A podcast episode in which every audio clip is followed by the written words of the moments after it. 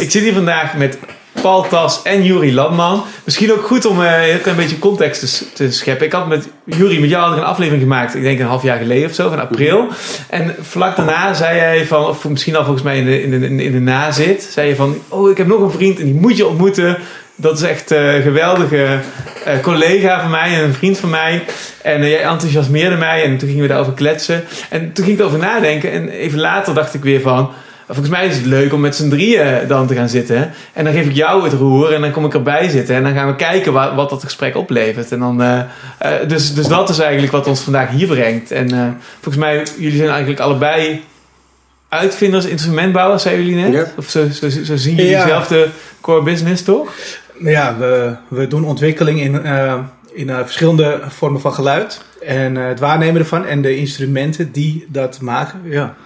ja.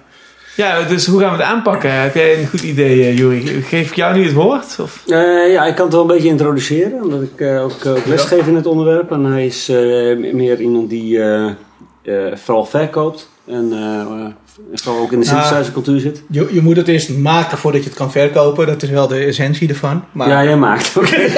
hij maakt ook, ja. ja. ja. Ik geef vooral les. Ik, geef, ik leer mensen vooral hoe ze dingen kunnen gaan maken. En, ja. en, en, een onderdeel van mijn les is dat ik ook uitleg wat de geschiedenis is van deze, van deze kunstvorm. Uh, en daar begin ik vaak bij, uh, bij Russolo. Uh, dat is een, een futurist uit, uit 1900 ongeveer. En dat was een, lid van de, club van de futuristen rondom Marinetti in Italië. Um, en, en, ik voer hem vaak als voorbeeld aan, omdat hij, het, hij schreef het, manifest Art of Noises, waar ook de jaren 80 band naar vernoemd is. Moments in Love is het liedje dat wat bekend is van die band. En hij is de eerste muziekinstrumenten uitvinder die, uh, die uh, het instrument als object zelf, als kunstwerk ervaart. Uh, waar, waar, de saxofoon en de viool, viool en de piano nog pure gebruiksvoorwerp zijn, maakt hij eigenlijk de stap naar moderne kunst en zegt van nee, dit is ook een onderdeel van de performance. Dus de, het object, het, het, instrument is een object, is, is onderdeel van het decor, is onderdeel van, van het totaal, wat ze noemen, een gezamtkunstwerk. Um, en dan zie je dus na Russolo zie je daar een, een, een, een evolutie in ontstaan. Dat begint uh, bij Farese, die gaat dan de, de sirene implementeren in orkestmuziek. Wat eigenlijk een sirene is is, een, is een object voor de oorlog en niet voor, voor muziek mee te maken. Maar hij ziet daar dan ook de muzikale kwaliteit in. En dan krijg je met John Cage die dan de noise introduceert en, en Theremin die de eerste synthesizer ontwikkelt. Dat zijn zo. Uh, John Cage, uh, bekend van het muziekstuk van, van wat 4 minuten en 33 seconden ja. stil is, toch? Dat, ja, daar ken ik hem vooral van. Ja, dat is, ja, daar is hij bekend van. En hij is bekend van de geprepareerde piano. Dus waarbij hij allerlei objecten tussen de piano uh, plaatst. Dus dan krijg je met John Cage krijg je, krijg je ongeveer het begrip sound art wat in beeld komt. Dus dan de, de geluidssculptuur ook. Dat zijn ook wel allerlei woorden die in dit werkveld tot tevoorschijn komen. Dan zie je, in, ja, ik ga er even heel snel doorheen hoor, maar uh, dan zie je in de jaren 50 zie je dat de synthesizer uitgebouwd wordt uh, via Bob Moog. En, en, dat is eigenlijk wat, je, wat, wat Paul uh, achter zich heeft. En Paul gaat nog een, een stap verder naar mijn beleving. Um, want Bob Moog is vooral een systeembouwer en ik vind dat jij vooral uit het systeem werkt. Ja, Bob Moog, je hebt in Amerika West Coast en East Coast synthesis. En um, ja, eentje werkte wat experimenteler. Waar Bob Moog vooral uh, belang mee heb gehad, is dat hij de, de modulaire synthesizer, dus wat we kennen als die telefoonkabels, weet je, wat hierachter staat, om dat te brengen in een keyboard, waardoor muzikanten dat uh, beter gingen bespelen. En daardoor heeft hij eigenlijk de strijd gewonnen tegen uh, Don Buchla als het gaat om commercieel verkoop. Don Buchla was veel experimenteler en was daar niet zo mee bezig. Het is een andere workflow. Dus ja, maar dat is nog steeds zo gebleven. Dus ja, in het kort, synthesizers. Ook in Nederland uh, is het veel gebruikt. Uh, op, uh, in het NatLab van Philips hebben we mensen gehad die daar ontwikkeling hebben gedaan. Wat we ook met tapes, met loops daarvan maken en synthese. En het is een, een, manier van werken. Het is vaak elektronisch natuurlijk. En er is een hele grote elektronische scene in Nederland, de dance scene. En dat is niet altijd, ja, dat hoeft er niet altijd voor gemaakt te worden mensen die zeggen, oh, ik vind dance helemaal niks. Maar dan kijken ze naar een Netflix-serie en dan luisteren ze dat noemen we cinematic of hè, meer voor de Hollywood. En dan uh, luisteren eigenlijk heel veel naar dat soort geluiden zonder dat ze het weten en doorhebben. En ja, dat is een beetje wat geluidskunst, zeker als het gaat om John Cage en, en dat soort dingen, ook heel diep in zit. Karl-Heinz Stockenhaus, in de geschiedenis zijn er meerdere meerdere pioniers geweest die dat hebben gedaan. En ja, wij gaan daar gewoon mee verder. Uh, Jury ook op zijn manier. Met performance en met uh, akoestisch en met muziektechnologie. En uh, ikzelf meer met hardware en het hardware hacking. Het ombouwen van kinderspeelgoed, wat je hier ziet, naar een volledig instrument. Of een Walkman uit de jaren 80 die dan CV controleerbaar is. ja, dus het zijn een beetje een, een andere discipline als wat er al is. Dus de geluidskunst gaat heel veel kant op. En daar is Nederland. Uh, uh, ja, uh, wij zijn een klein landje, maar wij doen dit wereldwijd eigenlijk best wel groot. En het is ook wel een groot ding wat wereldwijd speelt. En daarom zitten we ook in heel veel verschillende landen waar we verkopen, maar ook waar we workshops doen. En Jury is echt heel gericht ook op educatie. Die kan ook heel goed de workshops altijd doen als het gaat om bouwen gitaar, bouwen kalimba. Dus echt waar je hands-on moet zitten. Ja, en uh, als het om onszelf gaat, zijn wij veel meer van de elektronica en de, de, de gekke dingen en uh, ja, dat soort dingen. Mm-hmm. En kennen jullie elkaar daar ook van, uit die muziekwereld? Of hoe zijn jullie... Ja, hij zat naast mij bij Stijn. Ja. Bij Mediamatic. Uh, hadden we Mediamatic, een knutselworkshop. Ja. gingen we dus inderdaad, uh, heb je hier niet liggen, maar zo'n kinderspeelgoed gingen we hacken. Ja. Dat heet circuit bending. En hoe, lang, hoe lang geleden is dat geweest? 15 jaar denk ik of zo. Ja, ik denk dat het 2010 was.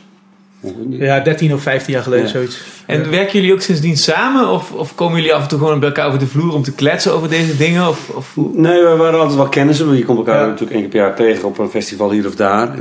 Um, maar uh, tijdens corona ging ik uh, plat, omdat ik dus niet, omdat ik lesgeef op, uh, vooral op Erasmus-programma's in Europa. En ik mocht de grens niet over vanwege de, alle restricties. Dus ik had twee jaar geen inkomen en ik was op Facebook aan het klagen. En toen zei Paul van nou kom maar bij mij. Want ik heb het hartstikke druk, want iedereen wil, uh, wil dingen kopen online. Want de online uh, sales ging natuurlijk als een malle. En toen ben ik... Uh, Wat grappig. En toen eigenlijk, eigenlijk is toen pas de vriendschap begonnen. Daarvoor waren we gewoon kennis en dronken we wel een biertje samen. Hij is ook een personage in jouw graphic novel, toch? Yes. Ja, ja ik nog afmaken. Maar, dat was eigenlijk, ja. voor mij, dat vond ik eigenlijk hele boeiende passages. En toen, toen, toen ik dat doorkreeg, dacht ik van, oh ja, dat is dat was wel een doorslaggevend argument. Ja, nee, hij heeft, uh, een grote rol gespeeld de afgelopen drie jaar. Maar ja, maar dus jullie, dat is ook grappig, want jij, want jij hebt natuurlijk heel veel verteld over die coronacrisis in de aflevering die wij dan hebben gemaakt. Met die meter aan boeken die we doorgenomen hebben samen. en, uh, maar, maar, maar dat is grappig dat, dat bij jou de markt dicht ging, maar bij jou dus de markt open ging voor een deel dan. Ja, het is uh, ook door corona, maar ook omdat we de tijd hebben om ons te ontwikkelen. En ik heb altijd heel veel geïnvesteerd in ontwikkeling. In dus eigenlijk een vorm van educatie. Uh, ja, mijn, mijn bedrijf uh, heet Error Instruments. Uh, en dat heet Error omdat vroeger noemden kinderen mij Error. omdat je, ik kon niet lezen en schrijven. En eerst dachten ze, toen ik klein was, hoe kan dat? En dit en dat, door een hersenstoornis. En je had vroeger een Commodore 64. En als je cassettebandje te lang duurde, stond er Syntax Error. En uh, dus het was altijd error. Uh, ja, die, die weten het toch niet, weet je wel. En dat wist ik niet. Dus, dus die, die leraren die, uh, die waren altijd een beetje zo van... ja, het zal wel met die gast. En mijn familie ook, denk ik. Dus ja... dus, maar ja, met kunst deed ik veel dingen. Dus ik heb heel veel geschilderd beelden gemaakt. voor een kunstacademie in Nederland moet je ook echt een VWO hebben...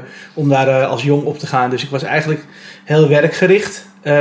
altijd te werk, omdat ik dat ja, gewoon een manier van survive en ja, dat heeft eigenlijk dat gemaakt van oké, weet je, uh, we willen geen traditionele instrumenten gaan maken. We worden ook geen. Uh, we willen niet bij Thomann liggen. We willen niet uh, bij de Perfect Circuit in Amerika liggen. Thomann is de Amazon voor deze. Ja, dat zijn allemaal de Amazon. Dat zijn allemaal muziek. We willen gewoon boutique blijven. Maar wel een soort van uniek. En dat moet ook in dat streven passen. Dus heel lang gaan, langzaam gegroeid dat deel. Dus we hebben onszelf steeds meer ontwikkeld en ik heb mezelf steeds meer ontwikkeld. Toen heb ik mijn student, uh, ik nam een student aan uh, van, voor internship van HKU. denk vijf jaar geleden, Eefje. En die is toen bij mij komen werken. En wij hebben met z'n tweeën nog meer dingen ontwikkeld in die tijd. Dus ja, de kracht als het gaat om wat, wat ik doe, is vooral veel ontwikkeling. En ook toch wel de zakelijke mind om het te zorgen dat het aan de man is en dat de klant heel belangrijk is. Eh, en dat je daar gewoon eh, ja, voor moet gaan. En ja, ondertussen heb je dan klanten als Martin Gore, uh, Depeche Mode en ja, Hans Zimmer. mensen die het in films gebruiken, Trent Reznor. Maar ook in de dance-industrie, Deadmau5 tot en met andere mensen. Het is ook een soort hype om met esthetische dingen, wat Jury ook al maakt. Hè, als je dat telefoonding ziet. Als je op het podium staat, niet meer met je laptop. Er was een hele tijd in heel veel, heel veel zeker in de dance, muziek, dat je gewoon een gast had en dan ging je naar een optreden en die zat gewoon op zijn laptop. En eigenlijk ja, klonk het misschien wel tof, maar je, misschien was die moeder wel met zijn moeder aan het chatten. Het was geen performance. Het was niet echt een performance. En, um, ja. ja. En, en nu met... Uh, met toch wat esthetische dingen, uh, gekke dingen. Zeker uh, met Judy met die snaren. Maar wij ook met doosjes of een grote modulaire bak. Dat is ook de kracht een beetje van Colin Benders, die vroeger de Kiteman was. Dat is ook in Nederland een vrije, nou, die ken ik vrij goed. en Maarten Vos en uh, die, dat team. Dat hij gewoon met een systeem het lijf zit te maken. Dat hij niet dit techno setje op zijn op laptop doet. Maar daadwerkelijk met een machine waar hij alle ja, oscillators uithaalt en uh, bewerkt. Ja, dat zal je herkennen als ja, theaterman. Ja. Je, en je, Kiteman, wil dat gewerkt wordt op het podium. Maar Kiteman, dat, die heeft dat ook echt die stap gezet. Dat hij eigenlijk um, um, zonder uh, um, een, lied, een lied zonder tekst of zonder zang... Mm -hmm. toch als single kan uitbrengen. En dat mensen daar geëmotioneerd van raken. En dat werkt. En dat theatraliseren op een podium. Dat je denkt van ja, dat is, dat is op een hele andere nieuwe manier wordt er dan over nagedacht? Uh, dat... Ja, het is, uh, esthetisch ziet het er mooier uit. En ik heb uh, ook Nico hier regelmatig, Nico Dijkshoorn. die woont in Leiden, niet hier ver vandaan. Die komt ook op dat bankje zitten waar we nu zitten soms. En die heeft ook zijn eigen manier van spelen. Die speelt dan gitaar in de modular en doet een stukje poëzie, filosofie door elkaar. En ook geïmproviseerd op het moment wat hij op dat moment ziet. Uh, of wat hij heeft meegemaakt. Uh, op een hele andere manier hoe mensen Nico Dijkshoorn eigenlijk kennen van andere dingen. En ik, ik heb geen Nederlands tv en ik ben niet zo vaak in Nederland. Dus ik wist ook nooit dat hij al hier iets deed. Dus dat die man hier kwam, dacht ik altijd, hé hey Nico. En het was altijd wel grappig dat ik later, dat mijn moeder hem, hem, wist wat hij deed en ik wist het niet. Ja. ja. Maar het is wel een fijne vent. Ja, en zo zijn er heel veel artiesten. Dus eigenlijk ben je een aanvulling van andere artiesten. Ja. En net als dat, uh, dat uh, ik dat voor die Mode maak, maakten jullie dat voor uh, Sonic Youth al een tijdje ja, gitaar en andere dingen. En hebben de communicatie van wat mis je nog en wat gaat er.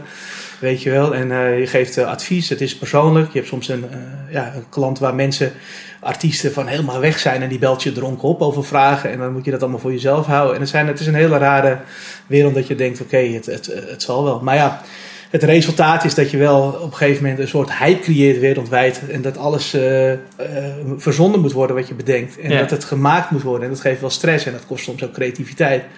En dat is soms waar we nu mee, uh, mee dealen. Dat je echt denkt, oké, okay, dit kunnen we gewoon niet aan. Weet je wel, je kan, ja, je kan, je kan tot een ton verdienen of tot, tot een half miljoen in, in een jaar. Maar je kan je afvragen van waarvoor soms, weet je wel. En ja. ja, dat heb ik daar nooit last van. Maar, Even, um, uh, ja, dat is het verschil tussen educatie en verkopen, hè, denk ik heel simpel. Even, uh, um, uh, nee, ik wil nog even een vraag stellen. Um, ja, je noemde al uh, Depeche Mode. Ik ben al vanaf dat ik tiener ben een enorm groot fan van Depeche Mode. Dus daar wil ik meteen natuurlijk uh, vragen over gaan stellen. Hoe, dat, hoe komt zoiets tot stand? Hoe, hoe werkt dat? Uh, hoe gaat die samenwerking? Ja, ik vind dat Misschien kun je daar iets over vertellen. Ja, ik vind dat je hem verkeerd om verteld hebt. Want je moet eigenlijk vertellen hoe die, hoe die hier kwam, die man. En, hoe dat verliep. Dat ja, ja, ja, ik wist dus nooit... Wie heb ik, ik wist dus nooit, de, ik ken Depeche Mode wel. En ik, Martin, Martin Gore dacht ik al. Ja, en ik wist nou dat, dat hij eigenlijk dus ook van Depeche Mode was. Dus ik heb oh, dus met, en ik heb dus wel gechat met die man en uh, ondertussen heel veel dingen verkocht en, uh, en zo. En mijn focus op uh, die, die Mode, wat ik ook zeker luisterde, Ultra of zo, die CD, die heb ik ooit nog gekocht. dat, dat, dat hij dus, ja, naar die David ging altijd de aandacht. naar de zanger op een, een of andere manier is dat een handicap als je een band ziet spelen van hey, dat, is, dat is het. En niet aan de muziekschrijver en misschien die ook meezingt en eigenlijk net zoveel invloed heeft of misschien nog wel meer. Yeah. Um, ja, dus, uh, maar ja, uh, ondertussen uh, ja, heb je daarmee te maken en dan word je ook uitgenodigd in Ziggo Dome. En dat, vertel, vertel, eens, vertel eens dat die gast hier aankwam op dat station. Dat vind ik echt prachtig. Ja, nou ja dat, ik, dat, ik niet, dat ik niet weet dat hij dus van die Mode was. Ja. Wat kan ik daarvan zeggen? Ja, dat is ook een beetje sneu. Want ik doe mijn research ook niet goed. Het is aan de andere kant. ik haal dus mensen op, weet je wel. Net als dat ik Jury ophaal van het station. En dan zeg ik ook van, ja, als je dan voor ene bent, dan kan je gewoon mee een tosti eten. Weet je, en dan eh, haal ik je van het station en dan breng ik je hier. En dat, ja, dat heb ik ook tegen hem gezegd. En eh, dat was wel een beetje gek. Maar het is, het is ook wel eh, grappig dat ik pas, dat hij bij Ziggo Dome moest spelen. ehm, dat ik eerst dacht, dan is het zo'n gelikte DJ. zoals Armin van Buren of zo. Waar ik niet zo'n hoge pet allemaal voor op heb. Dat is niet echt mijn muziek. Het is misschien een beste man.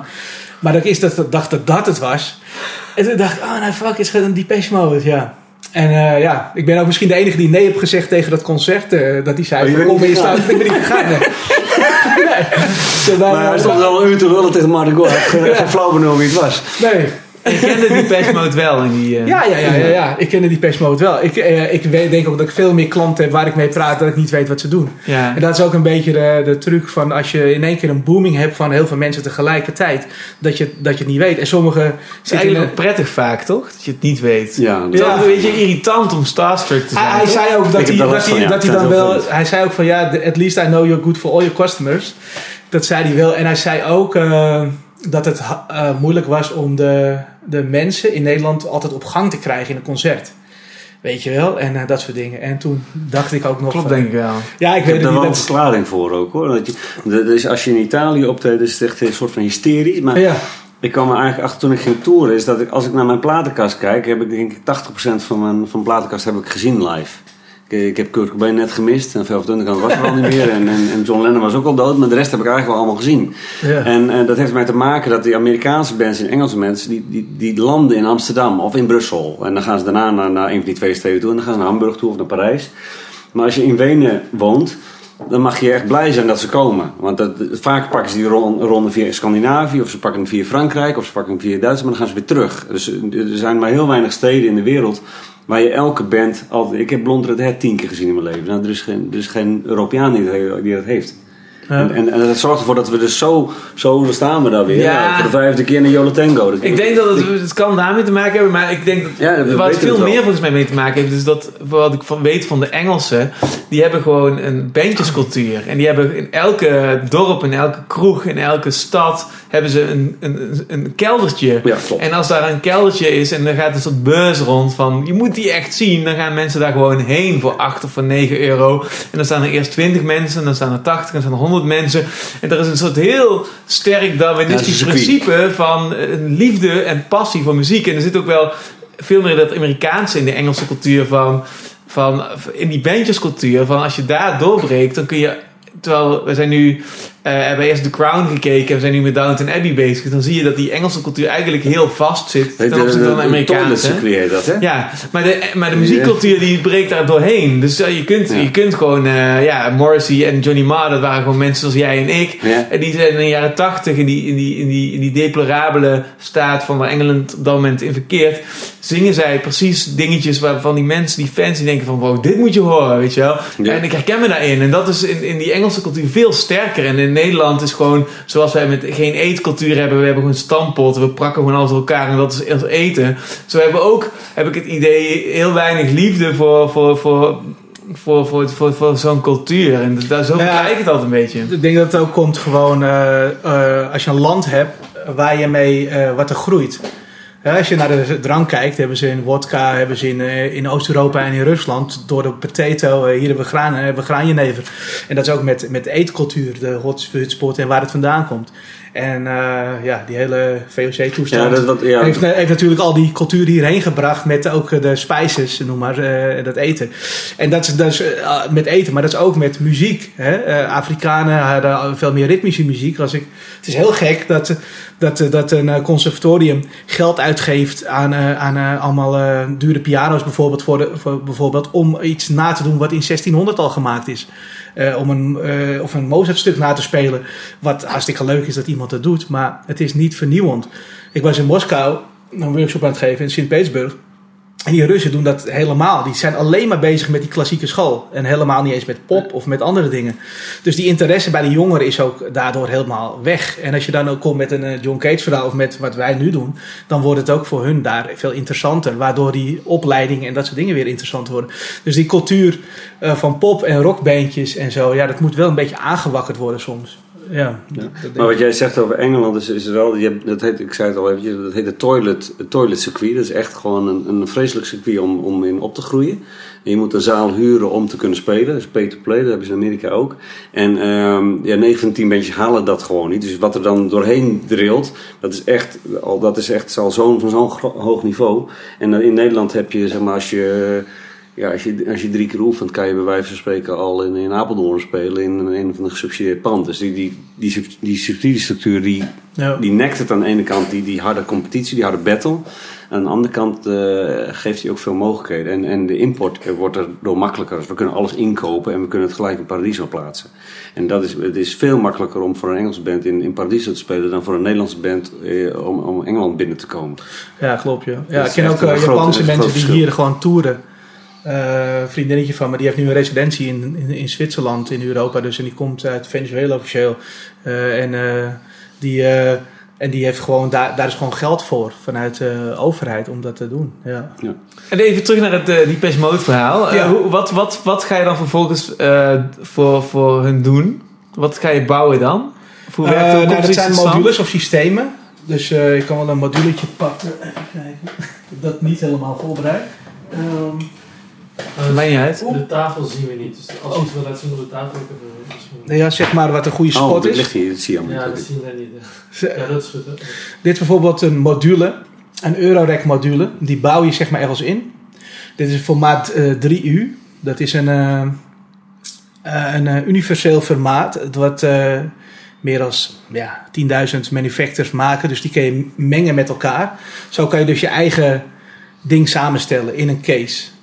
En dan heb je bijvoorbeeld, dan wil je je, je, geluidssource één moduletje hebben en je wilt een ander een effect hebben. Dus het werkt hetzelfde als gitaarpedalen, voor example, die je naast elkaar legt, maar dan in kleine moduletjes. En zo bouw je een systeem. En wat bijvoorbeeld die Mode wilt, of wat andere artiesten wil, Trent Reznor hebben we ook laatst eh, een heel systeem verkocht. Eh, Nine Inch Nails, toch? ja, Ja. Nine Inch Nails en Alexander Cortini ook van Nine Inch Nails. Uh, Trent Reznor woont in L.A. Heel veel gaat naar L.A. De hele cinematic, dus eh, de geluidsstudio's. Ja, Hollywood, dat is echt een hele grote speler als het gaat om... eh, die, die gasten zijn gewoon op zoek naar nieuwe sounds en nieuwe ideeën. en eh, ja, met dus Eurorack, dat formaat, eh, kan je dus eh, het zelf samenstellen hoe je dat zelf wil hebben op dat moment. En Martin Gore heeft eigenlijk gewoon een hele kamer vol met Eurorack. Dus die heeft gewoon, eh, als, je, ja, als je dat googelt, is het wel een grappig plaatje. Dat is echt... eh, Wat ik, wat ik merk bij, bij Error Instruments en waarom ik ook zei van je moet Paul interviewen. Wat ik, wat ik interessant aan hem vind, is hij, hij benoemde het zelf al even, dat hij echt een self-made man is. En eh, vanuit, vanuit knutselen ergens toe komt. En wat er bij de synthesizer cultuur vooral is, is dat het heel wiskundig is. Dus je hebt een, een oscillator, dan heb je een filtertje en dan allerlei dingetjes. En dat, dat werkt volgens een systeem. Maar ik vind dat hij dus... ehm, eh, totaal niet, eh, hij, hij kan totaal niet eh, in zijn hoofd. Hij is een beetje, ik zeg, ik ook, maak al grapje dat zijn, zijn, zijn kabeltjes in zijn hoofd zijn een beetje verkeerd aange- aangesoldeerd. en, en dat zorgt ook dat zijn product een beetje verkeerd gesoldeerd is. Maar dat is voor die, voor die kunstenaars, voor die muzikanten is dat heel fijn. Want eh, als je bij Paul aan de knop draait, dan doet hij niet wat, wat hij op een normale machine doet. Maar je, je wil juist Dus je moet dan op een intuïtieve manier gaan Ja, herontdekken wat, dus wat via- geluiden zijn. Ja, je Is kan niet je via je, via je normale logische systeem werkt het gewoon Ja. niet. Maar eh, kijk, op het moment dat jij zo'n module of zo'n ding laat zien, ik denk dan van nou. Jij zal het begrijpen, jij zal het Ik begrijpen, maar ik begrijp er helemaal niets van. je? Ik je laat het zien, ik knik ja en amen. En dan, Ja. en ik ken ook dat plaatje van Martin Gore, en, en die Ja. dan voor zo'n hele muur staat met allemaal van die knopjes. Eh, Ik ken die muziek wel, maar ik weet niet hoe dat, hoe dat apparaat Ja. vervolgens hoe dat vertaalt naar wat ik dan Maar hoor. bij hem is het dus echt error. In, in, in dat- Jip en Janneke taal, de, de, de, de, de, sta- de standaard, eh, de standaard eh, modulaire synthesizer, dus het standaard Eurorack, ja, dat zijn gewoon eh, eigenlijk, eh, het is gewoon een analo- analoge computer. Maar weet je wat ik ga doen? Ik ga een, een nummer laten horen. Een stukje van een nummer wat mijn favoriete nummer van die Mode is. Ja. En die heeft ook echt... Die begint met noise. En dan krijg je... Dan, daarbinnen is eigenlijk alsof je een soort van... Je kan, je ook als je een clip hebt, sorry dat ik Klein je- moment. eh, oh, ja, ja, ja. Ehm, dan gaan we daarna jouw idee doen. Maar ik wilde dit heel erg laten horen. Want dit is echt mijn, mijn all-time favoriete nummer van Depeche Mode. En dat nummer begint ook met noise. Waarvan ik denk dat jullie meteen denken van... Oh, maar dat is gewoon dit. Terwijl ik al twintig jaar denk van... Wat een weirde shit. En dat nummer voelt altijd, vind ik, een beetje... Alsof je door een donker bos heen gaat. Maar dat bos is eigenlijk van elektrodraden. Hangt het aan elkaar. En op een gegeven moment kom je in een soort middenstuk... Waar een soort oaseachtig of een soort van iets is uitgespaard waar een lichtstraal op zit. En daar zit een soort van miniatuurtje in van een heel mooi liefdesliedje. En dan verlaat hij dat bos weer en dan krijg je weer die noise. En dat vind ik ook... Dat legt voor mij ook meteen uit waarom ik die Mode zo briljant ja. vind. Omdat ze dus die, die weirde shit combineren met toch die perfecte popwetten van wat ik versta als gewoon briljant poplied. En ik vind die combinatie altijd... Dus ik, dat, dat- dat, met dat artificiële of dat arty of dat artistieke met, dat, met die popwetten, die combinatie vind ik juist zo vet. Dus, dus ik ga even een, eh, stukje laten horen. Ja.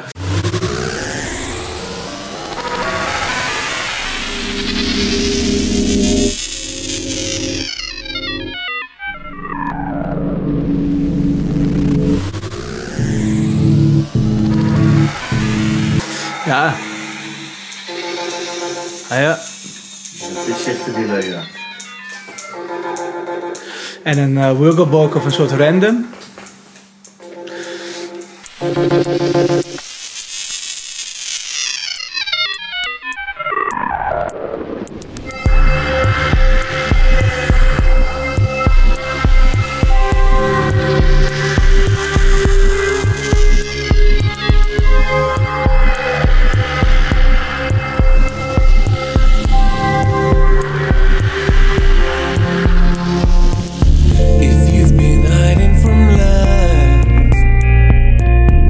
Favoriete album, ik zou Ja. Na Ultra of zo. Ja, Ultra vind ik ook heel Ultra is goed. Ik hou van die donkere albums van Depeche Mode. Maar ik ben juist vooral de eerste albums. Maar goed. Ja. Dus in de, nu, nu is het dit liedje en dan eindigt het dus ook weer zo... Op het moment dat da- de, David... Wacht even, ik laat ook niet even het einde horen, hè.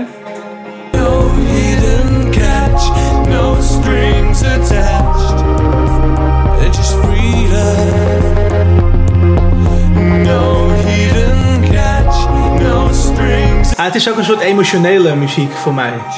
al, al de mineur. Ja, mineur. En dat maakt het ook wel goed, denk ik. Het was, Just Can't Get Enough was volgens mij iets te boyband. Maar dat is Eh. ook een enige echt slechte nummer. Ja, misschien wel slecht- meer, meer maar... noemen, maar het is wel anders. Maar laat me de eind, eindnoise Wacht nog eens even. horen. No hidden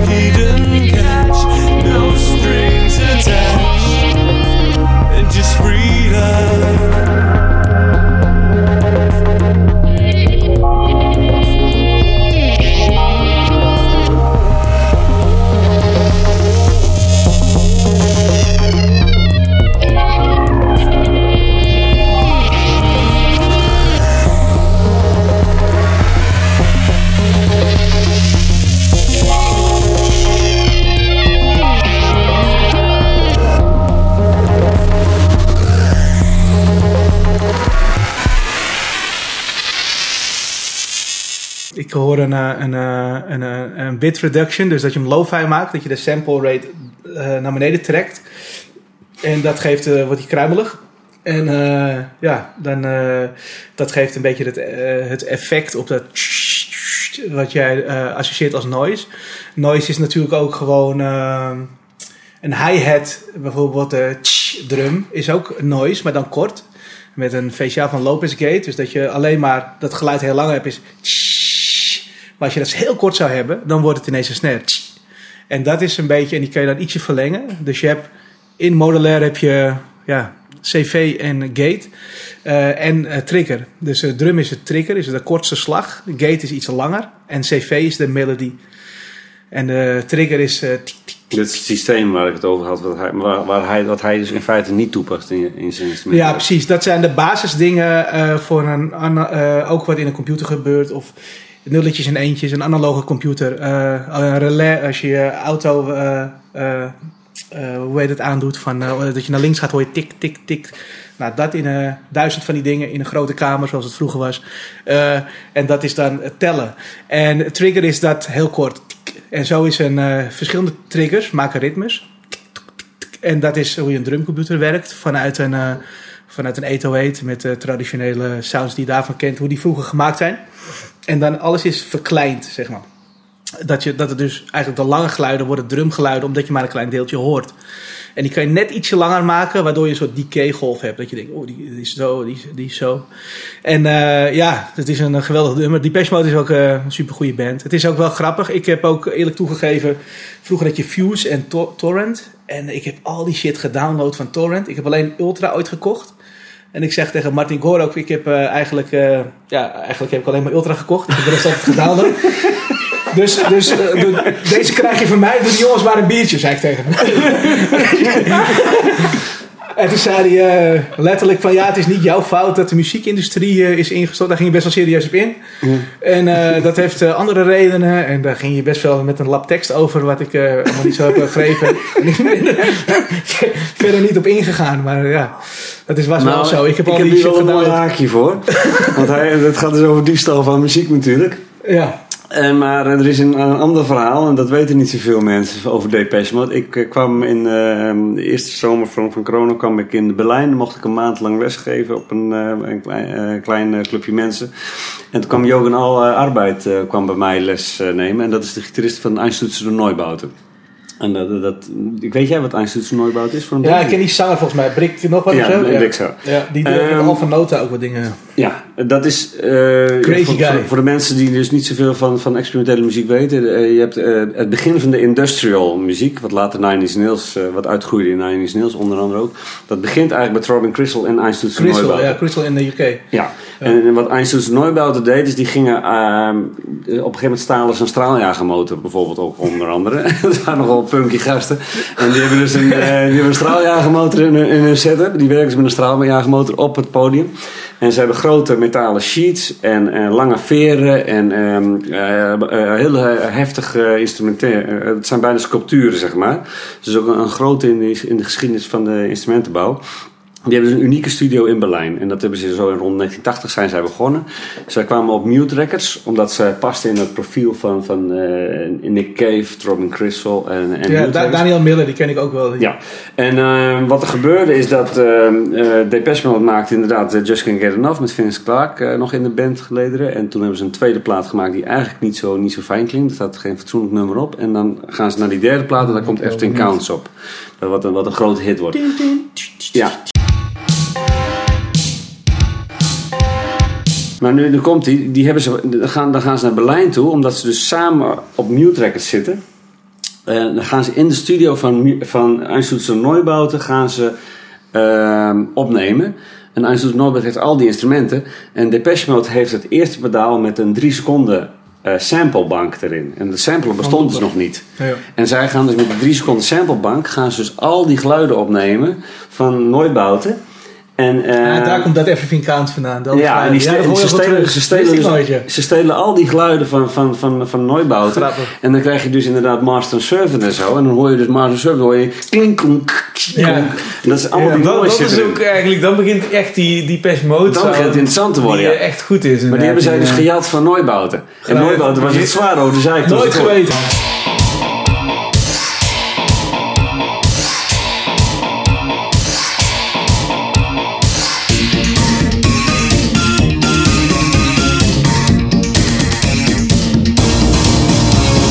Dat is gewoon Ja. allemaal Neubauten. Je hoort het, als je het weet, hoor je het gelijk. Maar die, eh, die zanger van die, eh nooit, die Brix nog, wat ik ken Brix, ja, Brix, ja. ja, dat is ook wel een eh, aparte man die met po- eh, poëzie en tekst hoor. Het eh, is Ja, niet alleen muzikaal. Hij kan live, heel, heel Maar dit was even mijn, mijn anekdote over, over, over Ja. de Depeche Mode. Dat ze dus Overigens, die, ik vind een, alleen een eerste album echt niet goed. Maar in het tweede album staan echt al wel hele goede nummers op, vind ik hoor. Maar, Ja, eh, ja. maar niet inderdaad dat, dat experiment met elektronica begint eigenlijk inderdaad... Daar ben ik het mee eens. Pas bij, eh, bij Bij die derde, en vooral bij het vierde album inderdaad. Ja. Dus dat, dat, daar ben ik dan Ja. wel mee eens. Kleine correctie eh, ja, nee, dat van, mijn kant. Maar je ziet dus inderdaad, de eerste debuutplaat is alleen nog maar bliep blop. En dat heeft echt wel wat krachtrechtachtige eh, sounds. En die zijn dus, soundtechnisch is dat gewoon niet zo interessant. En dan zie je dus inderdaad bij die tweede en die derde zijn, gaan ze dus samplen. En dan gaan ze dus naar, naar Neubauten toe. En dan stelen ze in feite de- deze tafel hier met rommeltjes. Eh, wat, wat ons Maar werk zie jij dat als stelen? Of is dat ook een beetje de... ik, een de- blik zou zag dat als stelen. Ik vind het gewoon lenen. Maar eh, ik ben erg Ja, ruim, ik ben erg ruim met dat begin. bij muziek is het toch altijd die, die, die over wel. beïnvloeding. Van Precies. Ja, het- ja, ze mogen het wel zeggen en dank aan of zo, weet je. En dat je het gewoon toe- toegeeft en er respect voor hebt dat het zo gegaan is. Maar om nou te roepen dat het echt stelen is, vind ik Nou, het is een groot natuurlijk een beetje, het is wel een beetje, eh, als je natuurlijk de radio aanzet en jij hebt een studio en je hoort op die radio voor het eerst pas hoor, hoor je in één keer al die geluiden terug. Ja, dan word je natuurlijk niet vrouw. Ja, maar als ik overal mijn naam onder wil hebben van de geluiden die op eh, Netflix tunes zijn en, en dat soort dingen, dan eh, is ook het eens. Ja, ja, ik ben er ook heel En ik voel me daar ook niet eh naar verantwoordelijkheid. Het is, je, je geeft iemand een duwtje en, eh, ja. en dat, dat kan je respecteren af en toe en daar word je ook voor betaald. En wat degene daar zelf mee doet, dat is aan hem. En het is ook dus degene die populair wordt, die moet daar dus ook weer op een heel andere manier de prijs voor betalen. Ja, maar hun, weet hebben, dat die hun hebben het ook gesampled. Hè. In die tijd was sample echt niet zo, zo eh, regulier als Maar het nu. bestond niet. Dus Dat dat, is- dat is nou, wat het cruciaal verschil is dat wij, wij kiezen ervoor inderdaad om samen te werken met die bands. Maar in dit geval werd natuurlijk de studio geleend en werd er gewoon, eh, werd er gewoon wat ontvreemd. Ja. En van een artiest, want uh, Blix is een artiest, En dat is, geen dat bouwer. ontvreemding was hun, was, was, was, kijk, zoals ik het nu begrijp, die band die dat als eerste deed, die stal dan weer een straaljager eh, ding. Ja, die waren ook niet helemaal dit keer- waren gewoon andere dingen die gestolen werden. Maar dat stelen is eigenlijk ook eerder een pastiche dan, toch? Ja, Het is gewoon you... En het eind eh, van het verhaal is dat ik het ook gewoon gejat heb van, eh, van, van, eh, van zo'n website. Ja, om af te spelen. Ja. Maar wel toe heb gegeven. dat Jij, ieder jij bent geval- weer torrents aan het rippen van die. Best Mode Ja. en zo, ja. En- dus is, ik We weet niet, aan het voor gang. mij is het En, gewoon en we, deden, organisch. we deden dat al, weet je, ik was 16 en eh, cd's waren vroeger natuurlijk hartstikke duur. En eh, ik wist ook niet of ik zeker of ik dat wou. Dus dan ga je gewoon eh, dat downloaden. En dat is gewoon de norm toen. Ja, dat Ja. is gewoon een hele andere discussie natuurlijk. Maar dat deden heel veel mensen. En dat eh, ik dat eerlijk tegen de artiest misschien zeg, dat is misschien ongewoon. Dat is wel heel grappig. Ik ben net iets ouder dan jullie. Ik had zeg maar, vroeger nog eh, cassettebandjes. Had ik zo mee Oh, ja. in de cassette Dan gingen ze naar de bibliotheek toe. En huurde je een plaat voor 3 euro of wat gulden. En dan, Ja. dan ging je op de tapejes ging je dat opnemen. Ja, en ik had een CD-brander ook. heb jij ook nog gedaan? Ja. Oké. Nou, ik had een broer. Ik dat had was later, ja. Dat was in de 90s. Ja. Ja. Maar ik Maar- had dus in de 80 eh, Maar ik kocht wel altijd muziek. Ik had heel weinig geld, maar ik mocht elke maand Ja, voor mezelf één cd kopen. Ja. En dat vond ik gewoon een soort cultuursponsoring. En ik dacht van, ja, maar ik vind die bands goed. Ik draaide het helemaal grijs. Ik vond dat belangrijk. En ik vond downloaden ook een beetje vervelend. Want ik had dan in één keer vrienden die nooit om muziek gaven. En dan kwam ik er ineens langs en die hadden in één keer alles. En die hadden het Ja. gewoon gedownload. En dacht ik Ja. van, ja, dat is niet eerlijk. Want ik heb gewoon een collectietje Maar opgebouwd. Esthetisch, weet je, als je een plaat in je hand hebt en er is een goed design, dan geef je ook een beetje een setje naar hoe de muziek is en dan zet je dat op. Het is een- ritueeltje, weet je wel. Dat Ja. heb ook wel wat hoor. Als je een Ja. plaat opzet en je, zet, eh, je hoort eh, die knispering, die ASMR zo lekker achter je hoofd, dat, dat vinyl trickle en dan gaat die aan. En dan, eh, ja, dan is dat ook gewoon een ritueel. Dus dat ook gewoon iets, dat heb je niet terug met een mp3'tje of een Spotify natuurlijk. Dus Ja. er is ook een heel groot gedeelte weggevallen Ja. van, van het eh, ritueel muziek luisteren, denk Ja, ik. klopt. Ik had, wat jij nu zegt, dat had ik, heb ik heel, heel erg bij die plaat van Low van David Bowie. Dat is dan gewoon, dan heeft hij één plaat eh, in een jaar en dan heeft hij alleen deze foto en dan heb je dat, eh, en dan heb je dat in je bezit of zo. Dat heeft een bepaald soort magie. Ja. Zo van, dat is dan voor dat jaar David Bowie. Die Ja. ene foto en dan die elf nummers die erop staan. En dit vind ik ook zijn beste plaat. En dat heeft echt zo'n ontzettende magie voor mij. Dat je dat dan... dat- ja, daar, daar wil je best wel wat geld van inleggen. En dat is dat element dat verdwenen is, weet je wel? Ja. Dat het een totaalproduct wordt. Met de artwork en de sound en wie degene is eh, enzovoort. Maar je ziet er toch wel een enorme revival in tegenwoordig. eh, Ja, nu is mijn- het mijn, wel Mijn dochter komt, gewoon- koopt gewoon vinyl. Oh ja, ja, ja. ja, Dat is dan Harry Ja. Styles en zo. Maar goed, dat mag, dat mag allemaal tegenwoordig. Daar vind je wat van. Maar dan koopt, nee, dan koopt ze wel gewoon een vinyl of zo. Ja, Ja. Nee, Ja. ik vind niks meer. En dan sponsor je ook weer de artiest eh, indirect. Maar goed, ja, dat is natuurlijk de discussie. Maar goed, eh, esthetisch. En het is grappig dat je David Bowie erbij had. Want het nummer wat... eh, ze hebben Heroes... eh die Mode hebben het nummer Heroes gezongen van, van David Bowie. Met mijn instrument. Als je dus de voorkant ziet. En eh, je hebt eh, het nummer Heroes. Als de clip begint, dan starten ze op. En daar zie je ook inderdaad de modulaire setup met de modules. En dat is 10 jaar, 12 jaar terug dat ik daarmee begon. En dat was toen al eh, gaande. Zonder dat ik dat wist, weet je wel. Dat heb ik later pas teruggezien van in die clip zijn jouw instrumenten. En ja, dat weet je dan niet. En, maar hoe komen, ze, hoe komen zij dan bij jou terecht? Of, ik- het is een beetje een Matthijs van Nieuwkijk vraag, dat weet ik. Maar ik ben toch benieuwd van, hoe, hoe werkt dat dan? Van, van hoe komen ze jou op het spoor? Of hoe komen die grote, eh, zoals eh, Ik heb Trent Reznor, of weet die... eh. Nine Nails, al die mensen. Hoe, hoe, hoe, wat- hoe fluistert zoiets rond? Van, oh, je moet in, naar Hoofddorp en dan zit een of andere gast in een huisje. nee, Gekke niemand- dingen te maken, daar moet je Het, zijn. het of- is natuurlijk voor 90% internet. Er komt eh, sowieso in heel Nederland. eh, wij verkopen bijna net zoveel in Roemenië als in Nederland. Zo, zo klein is de markt Nederland voor ons. Ehm, Japan is eh, eh, een winkel waar we veel verkopen aan een winkel, is een deel retail. Maar het is vooral dat je eerst zorgt dat je producten eh, gewild zijn of bekend staan. Dus je kijkt, je bent een gebruiker van iets. En dan denk je, wat mis ik? En dit mis ik, dat mis ik, dit is te gelikt. En ja, we gebruiken ook onderdelen. Dus we hebben, eh, het zijn collectibles. Dus dingen zijn limited. Dit is bijvoorbeeld, ik weet niet of hij de, de dingen redt. Dit is bijvoorbeeld een tube uit de jaren 50. En die, een LDR-tube. Maar bij jou is het ook vooral word of mouth, toch? Dat, dat Ook, gewoon, en, eh, en, maar die, die is dus, ja, daar, daar kan ik er zelf maar 100 van kopen. Die is niet meer te koop. En wij designen dit op dit project. Dat houdt in dat we van dit kastje er maar 100 kunnen verkopen. En waar, waar, waar heeft dat mee te maken dat je er maar 100 kan kopen? omdat het een, een, een lichtsensor is, een LDR uit de jaren 50. En die worden niet meer in een tube gemaakt. En die zijn nu eh, zo heel klein. eh dit is dezelfde. Ja, dus je, je, je, je creëert eigenlijk de schaarste. Ja, Zo zou dus je pakt, je pakt eigenlijk eh, eh, dingen. En mensen die, die, die van dit soort dingen houden, esthetisch hoe het eruit ziet, maar ook wat het doet. En die eh, puristen die dus analoog geluid willen, of juist eh, eh, eh, bepaalde wavetables, of van een SID-chip uit de Commodore 64. Het zijn allemaal, die, die willen gewoon, dit is ook een, een potmeter eh, wat gewoon 10 keer kan draaien, ook uit de jaren 50. Nou, dan hebben we een badge van 300. Dat Hey. houdt in dat we 300 van die dingen kunnen verkopen. En je zei net al van, deze kan tien keer draaien. En Ja. jij zei van, ja, inderdaad. En mij zegt dat niks. Want, wat- wat- hoe vaak hoort hij te draaien? Wat, wat, wat, wat is het? dit, dit is een, eh, een, een potmeter, dus een variabele resistor in, eh, in het jaar 2000, zeg maar. En die gaat zo van links naar rechts. En dan is je range dat. Dit is een range die dus veel preciezer is. Dus er zit veel meer tussen. Dus je kan eigenlijk dit veel preciezer tunen. Het ziet er leuk uit vooral.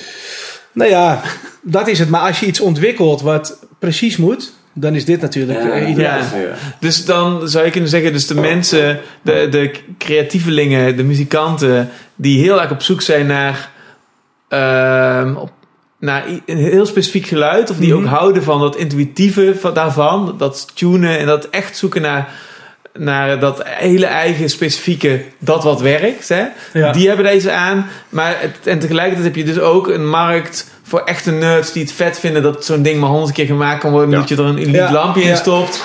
En daar komen allerlei dingen bij elkaar. Dat ik- is wat ik waar, waar je dan. bijvoorbeeld eh, voor, voor 200 en het kan, over vijf jaar is het soms 1400 op reverb. Weet je wel? Ik heb wel eens dingen gemaakt die ik voor 200 verkocht. Die zijn 1600 euro op, op reverb. Wat, wat mensen ervoor geven. En ik kan hem zelf ook niet meer maken. Want er waren onderdelen op dat moment waarvan ik het heb gemaakt. En er zijn winkels hier zoals Baco, Radio Twente in Nederland. En ook in Oost-Europa, ook in Japan. Waar ik soms naartoe ga om al die ja, rare parts te kopen. En daarvan maak je weer dingen. Deze, deze knopje, dit plastic Moet je knopje. even iets hoger houden? Sorry, dit plastic knopje. Dat is een, eh een stieltknop, zo noemen we hem, die voor zo'n stieltvliegtuig lijkt. Dat is eh, voor Russen is dat een heel bekend knopje uit, eh, ja, uit, uit de jaren 40, zeg maar. En dat is ook eh, vaak bakkeliet of een ander soort plastic. Dat is een soort ABS, maar het is wel een gek knopje. Dat moet het witte eraf en dan kan je hem daarin vastdraaien. Dus die, die gaat over het geheel. Maar ja, het gaat, het gaat erom dat het gewoon... Ja, het zijn limited dingen. Eh, het zijn meer... eh, en daarom hebben we ook niet allemaal de grote winkels en een product van... Oh, ik moet een product maken en verkopen. Ja. Het gaat ook, in jouw geval vind ik het ook verder gaan dan alleen maar een, een tool. Het is een kunstwerkje, zeg maar, of een toegepast kunstwerkje. Maar Ja. het design is, het ziet er veel beter uit dan de industriële producten. Je, je Ja. vroeg net nog van, van hoe komen ze dan inderdaad bij jou? Nou, bij hem is het echt mond op mond en stapje voor stapje groter geworden. Internet, eh, ja. Ja, bij mij is, eh, is het eigenlijk vrij bizar dat ik gewoon voor Liars een gitaar maakte. En dat was voorgegaan voor Sonic Youth. En toen heb ik eh, vervolgens op, op sonicyouth.com eh, een mailtje gestuurd. Van, nou, ik heb dat gedaan. Ik wil het ook voor jullie doen. En ik kreeg binnen een uur een reactie terug. En op het moment dat je bij- voor Sonic Youth gaat werken, dat is een beetje alsof je voor Kubrick gaat werken. Eh, dan wil iedereen ook met jou werken. Dus ik, ik, ik stuur, ja, ik mailde, stuur gewoon een mailtje naar mijn superheld. En ik kreeg, een, ik kreeg een reactie. En vanaf dat moment had ik een explosieve carrière. Ja. Dus ik, ik was iets eerder dan hij al actief. Ik begon in 2006. En in 2007 stond ik in Pitchfork. Ja, ik, ik, ik maakte ook eigenlijk eh, moderne kunst, dus schilderen en beelden in het algemeen. Dus dat is, dat is mijn, eh, mijn job altijd wat ik hiervoor deed. En dit is erbij gekomen. En dat is heel langzaam gewoon. eh, en ik heb dat wel, weet je, de Basel, de Affordable Arts bij de AF gedaan voor kunst en beelden. Eh, en, eh, en, en dat soort. En dat was ook best goed. Daarmee heb ik dit ook wel op kunnen zetten om al die onderdelen te kopen en al die dingen. Om, eh, om, om met geld, geld te maken. En dat was in eerste instantie daar vandaan. Maar ik heb nooit van Nederland een subsidie of iets, een, eh, een beurs gekregen of iets in die richting. Nederland was, was voor mij altijd heel slecht. Stom genoeg, eh, we hebben nu een soort oorlog met Rusland, maar ik heb in Rusland wel geld gekregen. En het was in Moskou en eh, toen vroegen ze van, wil je dat doen, een workshop en dit en dat. En daar hebben we een bedrag voor. En nou ja, ik zeg, is goed. En toen zei ik, ja, dan moet je naar de ambassade en dan moet je je melden. En dan boeken wij voor jou een ticket. En dan krijg je een bedrag overgemaakt en dan eh, word je opgewacht door iemand met een bordje. En toen de tijd was ik nog in mijn eentje. En toen zeiden ze van, eh, hoeveel eh, mensen heb je bij je werken? En eh, Thomas van Nerd, Nerd eh, Sec, van de Nerd Sequencer, van Xor, dat is ook een Nederlands bedrijf. Die was ook heel klein. Toen zei ik, ah Thomas, ik zeg gewoon dat ik twee man heb werken. En toen zeiden die Rus, nou dan kom je met z'n tweeën, wij betalen het. Dus prima. Dus ik met eh, Thomas naar, eh, naar Moskou. En eh, daar hebben we een workshop gegeven met z'n tweeën. In welk jaar was dat? Ik denk dat het zes jaar geleden is of zo. Ja, Zes, ik ben zeven een jaar jaar of tien geleden geweest met Arnold. Ja, Rusland. eh, je hebt daar een arcade museum. Dat is een museum met allemaal van die, van die eh, game console boxen. En dan allemaal uit de jaren 50. En die werken allemaal met, met tubes en andere dingen. Die transistor die is daar veel later uitgevonden. En dan lijkt het net of je een display hebt met een soort gegloeide kippengaas met hoeveel punten je hebt. En esthetisch hoe dat eruit ziet met spiegels, van spiegels een flatscreen maken en eh, hologrammen. En je krijgt gewoon een hand coins als je binnenkomt in dat museum en dan mag- je al die spellen doen eigenlijk. En ik vond dat wel heel eh, waanzinnig dat dat eh, daar was, weet je wel. Ik wil, ik wil nog even over Rusland en Termin praten. Dat is wel een Ja. leuke anekdote, zeg maar. Dat, als je de biografie van Termin leest, dan komt dit naar voren. Hoe heet die Jozef? hoor? Eh, Dat is toch dat instrument wat je bestuurt zonder aan te raken? Exact, ja.